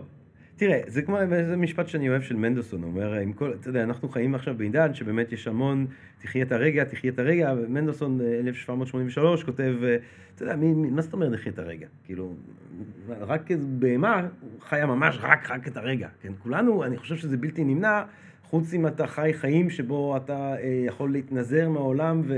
וכולנו, אני, אני סופר מודע, אני, תראה, אני קודם כל לא דוגמה לכלום, כן? זה לא שאני דוגמה לבן אדם הממומש, ותראו, הבן אדם הממומש חי בחרדות על סוף החודש. אבל אני חושב שגם בן אדם שהיה מממש את עצמו בצורה הרבה יותר עילאית ועמוקה וממשית, אה, והיה גיבור ניטשיאני הרבה יותר ממה שאני יכול להיות, או כרגע אה, הינו, אה, אני חושב שזה בלתי נמנע לחשוב גם, לתכנן ולחשוב על דברים אה, לטווח ארוך. אני יודע ספציפית שניטשה חשב, הוא היה מאוד נגד סקפנות, לשמה, סקפנות, מה שהוא קרא לה, הסקפנות הנוצחית, שהיא אה, שונאת את העולם הזה ואת הגוף ומקריבה אותו למען עולם אחר אה, אשלייתי מבחינתו. אבל הוא, הוא כן מאוד בעד סקפנות, נגיד, אומנותית, כן? בן אדם שאומר, היום אני לא אשתה ואני לא אעשה סמים, כי אני הולך ליצור יצירה גדולה, כן? Mm. זאת אומרת, אני, אני, אני- ואין ספק שחלק מ... יש פה איזשהו איזון שבו אתה, אתה מצד אחד, אני אומר, טוב, אני, אם אני עכשיו אחיה רק לפי הדחפים המיידיים שלי, אז תוך חודש אני ברחוב, כן. ותוך חודשיים אני... אה, אה, אני אה, הכבד שלי חולה. הכבד שלי חולה, ותוך שלוש חודשים אני קבור, והשלוש חודשים האלה די מבאסים, או כמה זמן שזה לא ייקח, או אני חוזר לגור אצל אמא שלי. אז- אני רוצה אז זה? נורא חס וחס. אז- אז, אז אתה אומר, אני, החיוב חיים הזה, הוא לא בעיניי אה, שווה מיד לבוא נחיה ללא שום רסן וללא שום כן, היגיון. לא, הרגע וזה. הסברת למה הוא בטוח לא שווה לזה. כן. אז, אז, אז איך אני, מצ... כאילו, נותן לי איזה רמז ניטשה, כאילו, מה, מה... תראה, אני בקטע איך הזה... לאזן בין הטווח הארוך לטווח הקצר? כי אתה יודע, עוד פעם, אנשים שחושבים נגיד על קריירה, או על שינוי קריירה, או כן. על התקדמות בקריירה, כן. זה אחד הנושאים הכי גדולים שלהם, כאילו, אני, אני מקווה שהם שרדו איתנו אה, שעה ושבע דקות, כי אנחנו היינו צריכים לעבור איתם דרך רוסו ופוקו וכאלה, ולא כולם שרדו, לא. אבל, אבל מי ששרד, אז הוא ישמח עכשיו לשמוע שאנחנו מדברים בעצם עליו, כי, כי האנשים שנמצאים בכזה מסלול, זה בדיוק מה שהם אומרים. האם אני עכשיו יעבור world of pain של נגיד שנה, שנתיים, סתם, דוגמה, משהו מאוד ששואלים אותי הרבה, לעבור משכיר לעצמאי. כן. אז אני תמיד אומר, אתה עובר משכיר לעצמאי, זה לא שאתה למחרת ישן שנץ וכיף לך והכל טוב. יש לך. שנתיים, שלוש, שאתה צריך לבנות את עצמך מאפס, אוקיי? או כמעט מאפס, בהרבה, יש מי שפוקס, יכול להיות גם שלושה יותר לחץ, חודשים. אני מניח שיש יותר לחץ. שלושה חודשים, כן. אבל יש יותר לחץ, יש יותר זה. אז זאת אומרת, בעוד שלוש, שנתיים שלוש אתה תקבל את הפירות, לעומת שהוא יגיד, מה אני צריך עכשיו? אני לא כזה אוהב את העבודה שלי, אבל לפחות אחרי העבודה יש לי זמן לראות את הילדים וכולי וכולי וכולי. הדילמה הזאת היא כל הזמן נמצאת שם. ויש לי כאילו תחושה שכשאתה מדבר על, על אותו חיוניות של ניטשה, אז, אז זה בטח לא לחיות את הרגע או לא לחיות את הרגע, אבל מה זו החיוניות הזאת? זאת אומרת, מה, מה זה הלהגיד, מה זה הלהגיד כן? אז אני אגיד דבר כזה, אה, אתה יודע, בזרטוסטרה, שהוא כאילו הנביא של התורה הזאת מבחינת אה, ניטשה, זרטוסטרה הוא כאילו הנביא שבא עם החיוניות ואמירת כן, כן זה דמות, זה. דמות סיפורית, זה לא אמיתית. הסיפורית, כן, כה אמר זרטוסטרה. אז כששואלים אותו אה, מהי, מהי הדרך, הוא אומר, זוהי דרכי צא ותמצא את אה, דרכך שלך. כן? כן. זאת אומרת, אה, וזה משהו שבגלל זה ניטשה הוא איפשהו גם נקשר אחר כך למה שנקרא הפילוסופיה הקיומית האקזיסטנציאליסטית במאה ה-20, כן? מה, מה, מה העניין הגדול של הפילוסופיה הקיומית? אה, הקיום קודם למהות. כן, אם אצל הפילוסופיה העתיקה יש איזושהי מהות, איזושהי אידאה פלטונית, הגבר, הג'ים מוריסון של ליאונרדו דה וינצ'י, כן, הגבר המושלם, האידאה של האיש, או האידאה של הקריירה, או האידאה של כל דבר אחר, ואני רק מנסה להגשים את האידאה, המהות קודם לקיום. כשהקיום קודם למהות, זה רוצה להגיד בעצם, מתוקף היותך נולד בזמן ובמקום מסוים, עם איכויות אה, נפשיות וביולוגיות מסוימות שלך, התשובה שלך אה, היא, היא רק שלך, כן? כל אחד צריך לחשוב ולחפש וזה בדיוק. ההפך מהאידאה. יש כן. מיליון אידאה, אין. אידאה, אין כל אידאה. אחד יש מזה שאתה חי דרכים. בצורה מסוימת, אתה מגדיר בעצם את המהות. אתה מגדיר מה זה להיות... אם, אם פעם היו מחפשים, מה הם החיים הטובים, היו מחפשים נוסחה מתמטית שהיא נכונה לכולם, באים הפילוסופים הקיומיים, בעקבות ניטשה בצורות מסוימות, ואומרים, כל אחד צריך לענות על השאלה הזאת לפי הנתונים הספציפיים שלו. ובגלל זה גם אני אומר, אני לא יכול להגיד לך עכשיו נוסחה. יש איזושהי נוסחה מתמטית שבו זה אומר אם x ו-y, z וזה, ואתה עושה חישוב, בסוף יצא תשייך שכיר או תהיה עצמאי. אבל אני חושב שאנשים צריכים בתוך חקירה מתמדת, כן? איך אומר סוקרטס? חיים שאין בהם חקירה לא כדאי לו לאדם לחיותם. גם זה הוא אומר ב... בשלב העונשים של המשפט שלו, כשמציעים לו אה, אה, מוות ומצפים ממנו שיציע גלות, הוא אומר, מה גלות? אני אמשיך לעשות את זה. ואז, וגם שם יוציאו אותי להורג. חיים, למה אני אמשיך לעשות את זה? כי חיים שאין בהם חקירה, לא כדאי לו לאדם לחיותם. אז שאנשים, אה, אה, אה, אני כן חושב שכדאי לאנשים להסתכל במראה של החזרה, אה, החזרה הנצחית. זאת אומרת, להיות במצב של חקירה מתמדת, אני כן חושב שכדאי, כאילו, בוא נגיד, זה כן משהו שאני מנסה להגשים בחיים שלי. שוב פעם, מוקדם לומר אם זה מצליח או לא מצליח. אה, אבל אני כן חושב שכדאי להם, לכל הפחות, לחשוב את האפשרות של אה, לחשוב אחרת, אומר פוקו, כן? לא להפוך להיות, אה, אה, אה, אה, איך אומר מרקיוז, אני חושב, אה, בן אדם חד-מימדי. כן, אני חושב שבן אדם חד-מימדי זה אה, נוסחה לאיזשהו סוג של הירתמות, איזשהו סוג של קומה. אני חושב שכן כדאי לאנשים לפחות לחשוב ולנסות לדמיין איך החיים שלי היו נראים אם הייתי עושה ככה, אם החיים שלי נראים אם הייתי למרות עושה ככה. שהחקירה עצמה היא, היא כואבת, והיא מקשה, והיא שמה אני אותך לא מול יודע אם היא. כואבת ומקשה בהכרח. תראה, אם אתה במצב אה, על הפנים, אז, אז המצב כואב ומקשה. כאילו, אולי כן. יכול להיות שהחקירה יוציא אותך מהמצב הזה. לא, החקירה היא מפחידה כי היא עלולה לתת לך... היא יכולה להוציא מאיזון. אה, מ- מחשבה על הזדמנות, אבל המימוש של ההזדמנות הוא מפחיד. ומה אם אני לא אצליח? ומה אם המצב יהיה יותר גרוע אחרי כן. שאני אעשה את הצעד הבא? תראה, בקטע הזה, אתה יודע, זה אה, דווקא כדאי לעשות פודקאסט אחר אה, על אה, מקיאוולי, כן? מקיאוולי יש לו בקטע הזה ממש, הוא מדבר על איך שהפורטונה אוהבת את הנועזים. לכן היא אוהבת, היא כמו אישה, היא אוהבת את הצעירים, נועזים. כי אה, רק מי שעושה צעדים נועזים זוכה למזל. אתה כן? מבין, יש אנשים ש- שמקשיבים עכשיו, הם חשבו שסטיב ג'ובס המציא את המשפט הזה. אה, כן. ת- טוב, שיהיה בריא. כאילו, אה, אה, אה, שישכב... אז אה, זאת אומרת. החקירה הפנימית והקיום והחיפוש לא אחר האידאה, אלא אחרי כן. הדרך שלך. כן, אז הנה מה שאני רוצה לומר בעד. לך. כן. ג'רמי פוגל, אה, עם המבטא הבלגי, נכון. שאני מת על זה ואני רק בא לי לדבר ככה. לא, ו- אתה עושה מבטא צרפתי. אבל איך, אז איך אז עושים זהו. מבטא זה העניין, בלגי? תראה, אה, אנשים מחקים אותי. רגע, שנייה, שנייה. ועושים מבטא צרפתי. אני מעריך את אלה שיודעים לעשות את ה... יודעים, אני צריך קצת יותר זמן איתך. כן. אז החקירה הפנימית וזה שאין אידאה, אלא הבן אדם צריך למצוא את דרכו שלו, כן. הטענה שלי היא Mm, שמה חדש בעולם החדש? mm, שאנחנו היום, מבחינת העולם, במקום הכי טוב אי פעם mm. לבן אדם לחיות בצורה כזאת, Mm. של חקירה פנימית ושל התנסויות למצוא את הדרך שלו ולא ללכת אחרי האידאה.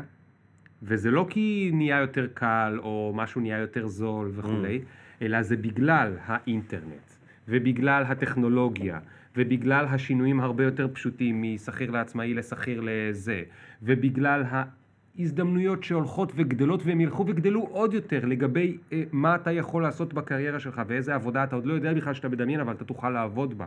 והאלף הזדמנויות האינסופיות שלך ללמוד במיליון פלטפורמות אה, אה, שונות באינטרנט ובג'ולט וביוטיוב ובאוניברסיטה אפשר עדיין אם רוצים וכולי וכולי וכולי.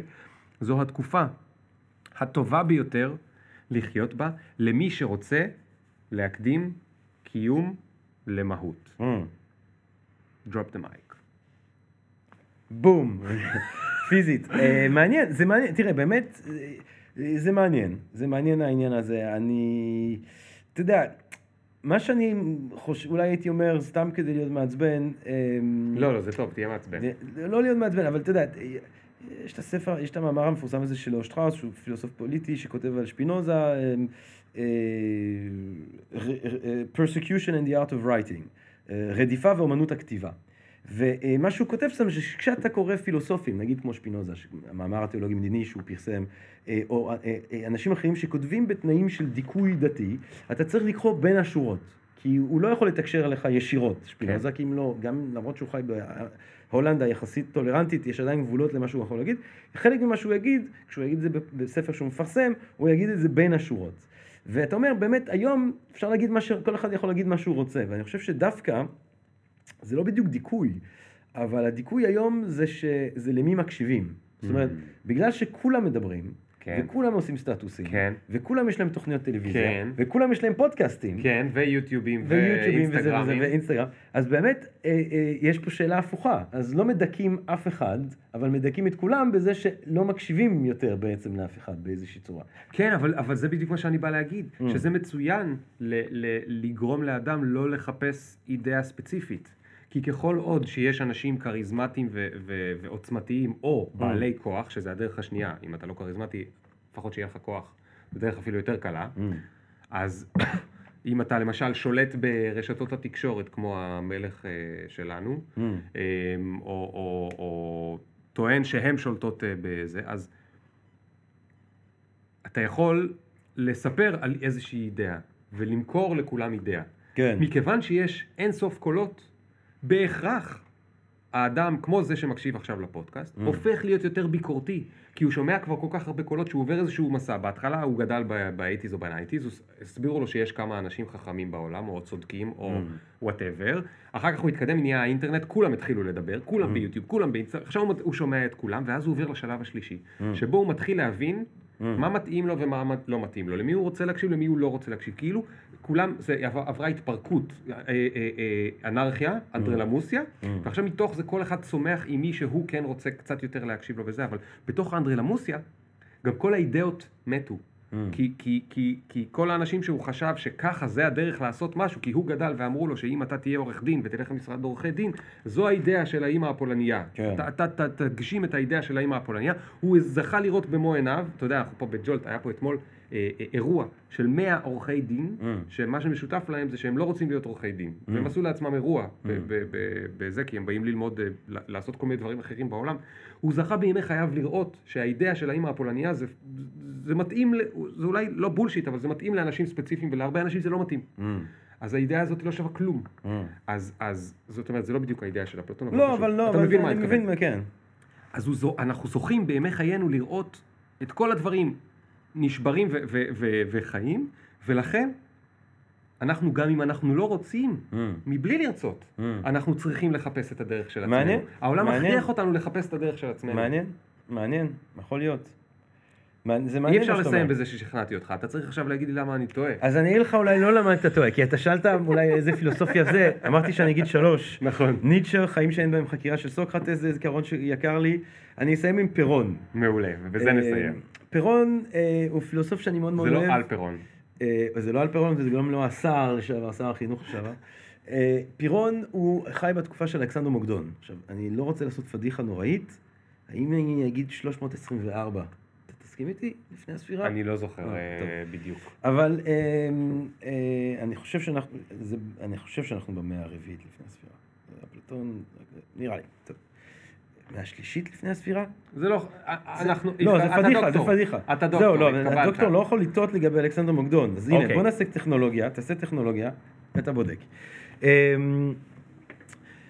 פירון הוא פילוסוף אטומיסט, יש לו את התורה הסדורה שלו, אה, הוא חי באיזה כפר קטן. אה, אה, 356 לפני הספירה, כל הכבוד. נולד? אה, לא, כשאמרתי 324 זה היה המסע, הנה, 323. 323 הוא מת, אז כנראה שהמסע היה ב-324. כן, זה היה סוף המסע. טוב, בסדר, אנחנו היינו, לא, בערך, בערך, בערך, בערך, לא. משהו. הוא היה בן 32. פירון, אה, איזה איש. פירון,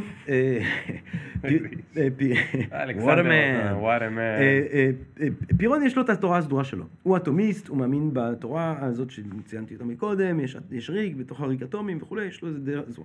אלכסנדר מורדון באיזשהו שלב יוצא למסע הכיבוש המדהים שלו, קודם כל הוא מסדר את הגבול הצפוני של מקדוניה, ואז הוא כובש את כל המרחב היווני והופך את התקופה הקלאסית לתקופה ההלנית, כי עכשיו כל המרחב הופך להיות תחת השפעה ההלנית, והוא הופך להיות מרחב אחד. אימפריה הראשונה, כבר לא ערי מדינה אה, שונות ומובדלות, הוא כובש את האזור שלנו, את מצרים, ומבקר במקדשים בכל מקום, ואז מנצח את פרס. זה טיול אחרי צבא, בצבא. בטירוף, כאילו. ואז מגיע לאפגניסטן, מקים את קנדהר, ומגיע להודו, וכובש, מתחיל כיבושים בהודו, ובהודו אה, הוא פוגש אה, אה, חכמים. אני בשוק, אני לא ידעתי, הוא הגיע להודו? אה, ועוד? איך הוא הגיע להודו, בטח.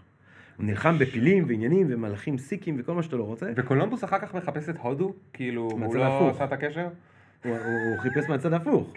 אה, אה, בכל מקרה הוא מגיע להודו, ובהודו, אה, אה, אה, ואלכסנדר מוקדון הרי הוא למד, הוא תלמיד של אריסטו, הוא למד שלוש שנים מאריסטו, יש לו הערכה לרוח, לפילוסופיה, ויש סביבו מעגל של אינטלקטואלים, כולל פירון, הפירון הקטנצ'יק הזה שמסתובב עם אלכסנדר מוקדון בכל ההרפתקאות המטורפות, ומגיעים להודו, ובהודו הם פוגשים את מי שהם קוראים להם החכמים העירומים, החכמה, הסופיה, עירום גימניה, גימנוסופים.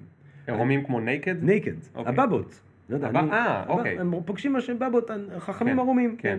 עם כזה על הראש, ויושבים בישיבה אתה יודע, מזרחית. אנחנו מכירים, אה, או מי שהיה בהודו, אני לצערי הרב לא יצא לי, אבל אה, יש עד היום, כן, מסורת וכמובן שאלכסנדר מוקדון וכל היוונים האינטלקטואלים שמסתובבים איתו, החבורה הזאת נורא מתעניינים בתורות שלהם, בדעות שלהם, פוגשים אחד שהם קוראים לו קלנוס, כי הוא כל הזמן אומר קאלי, קאלי, קאלי, קאלי, קאלי, אה, אל ההרס, ושואלים לקלנוס, תיקח אותנו לחכם המוביל, לבולט, והוא אומר, טוב, יש איזה אחד שחי על כמה עלים ליד מפל.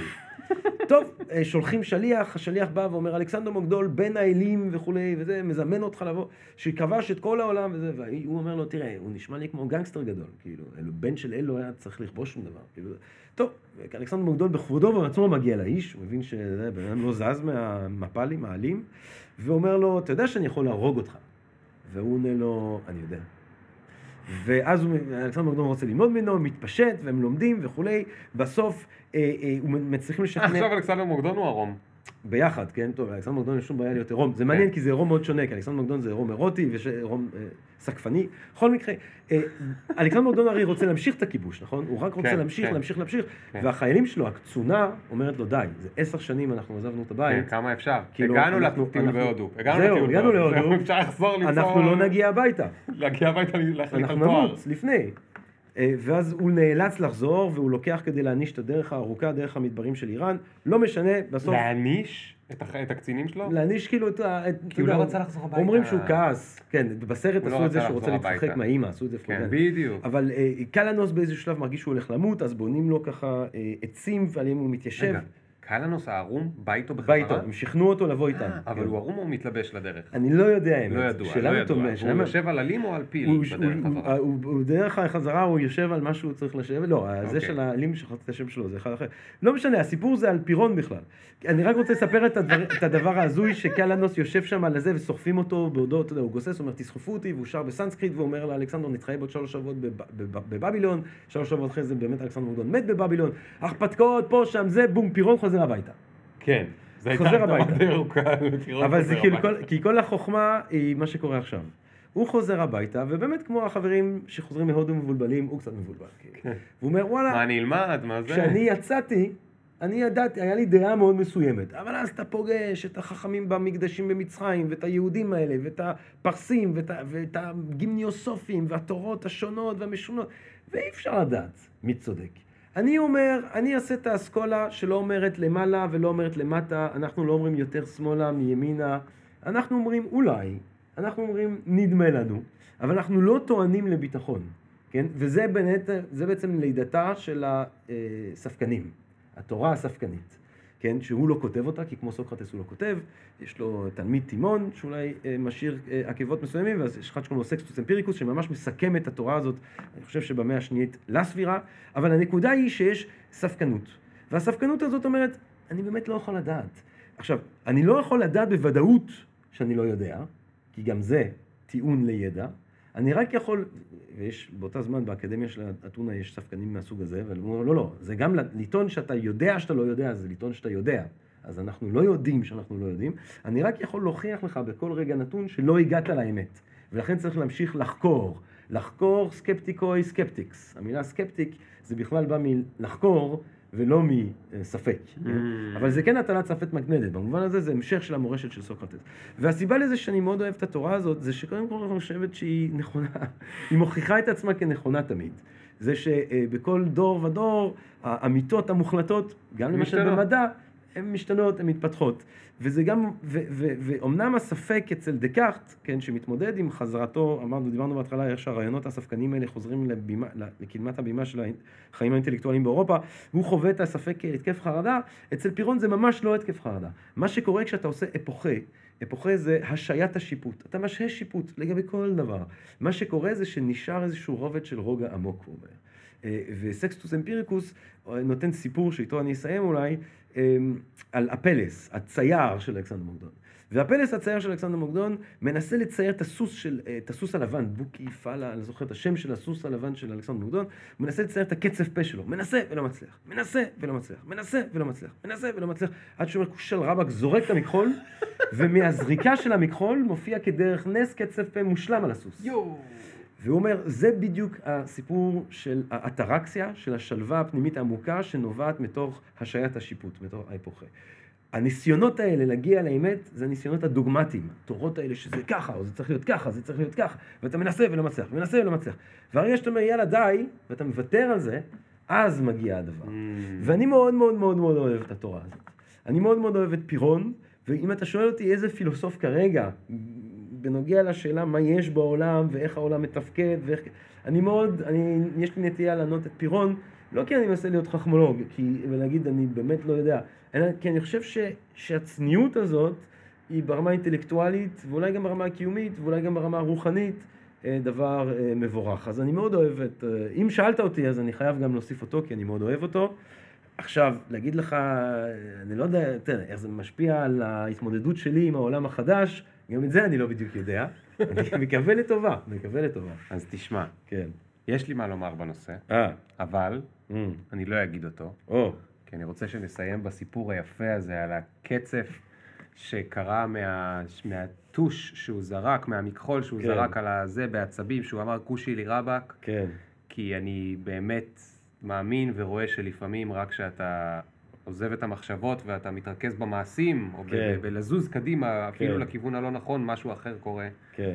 אה, תודה רבה רבה לך, ג'רמי. כן, זה היה quite a ramble, כאילו, אנחנו היינו פה uh, בכל מיני מקומות, כאילו, בשיחה הזאת. זה, זה, עכשיו אני יכול להגיד לך שאני מאושר, אה. כי המציאות פחות הציפיות, עוד יותר uh, התעלתה. וואי, תודה רבה. היה ממש כיף שבאת. תודה ליאור, תודה רבה לך. ואני מקווה שכל מי ששמע עכשיו כל מי ששרד את השעה וחצי האלה. בלי כאילו, שום כן. בעיה, הרוב כן. כן. הצלחתם להחליט אם יש עולם חדש, אם אין עולם חדש, אם העולם החדש הוא באמת חדש, האם יש עולם חדש חדש, או אין עולם חדש חדש חדש. האם ג'רמי ימצא זוגיות או לא ימצא זוגיות, איך הוא יחליט לחיות את חייו. תובל גם ימצא אה. זוגיות, אנחנו אה, מאחלים לכולכם ברכה ופריון ועוד כל מיני דברים שאני לא מבין בהם, כי הם קשורים למוסדות אלוהיים שאני לא כל כך בקיא בהם. גאולה. גאולה, נחכה לגאולה. כמו שאתה מבין אותה. אוקיי, גאולה כמו שאני מבין אותה. אז תודה לך, תודה לפירון, תודה לניטשה, תודה ל... אה.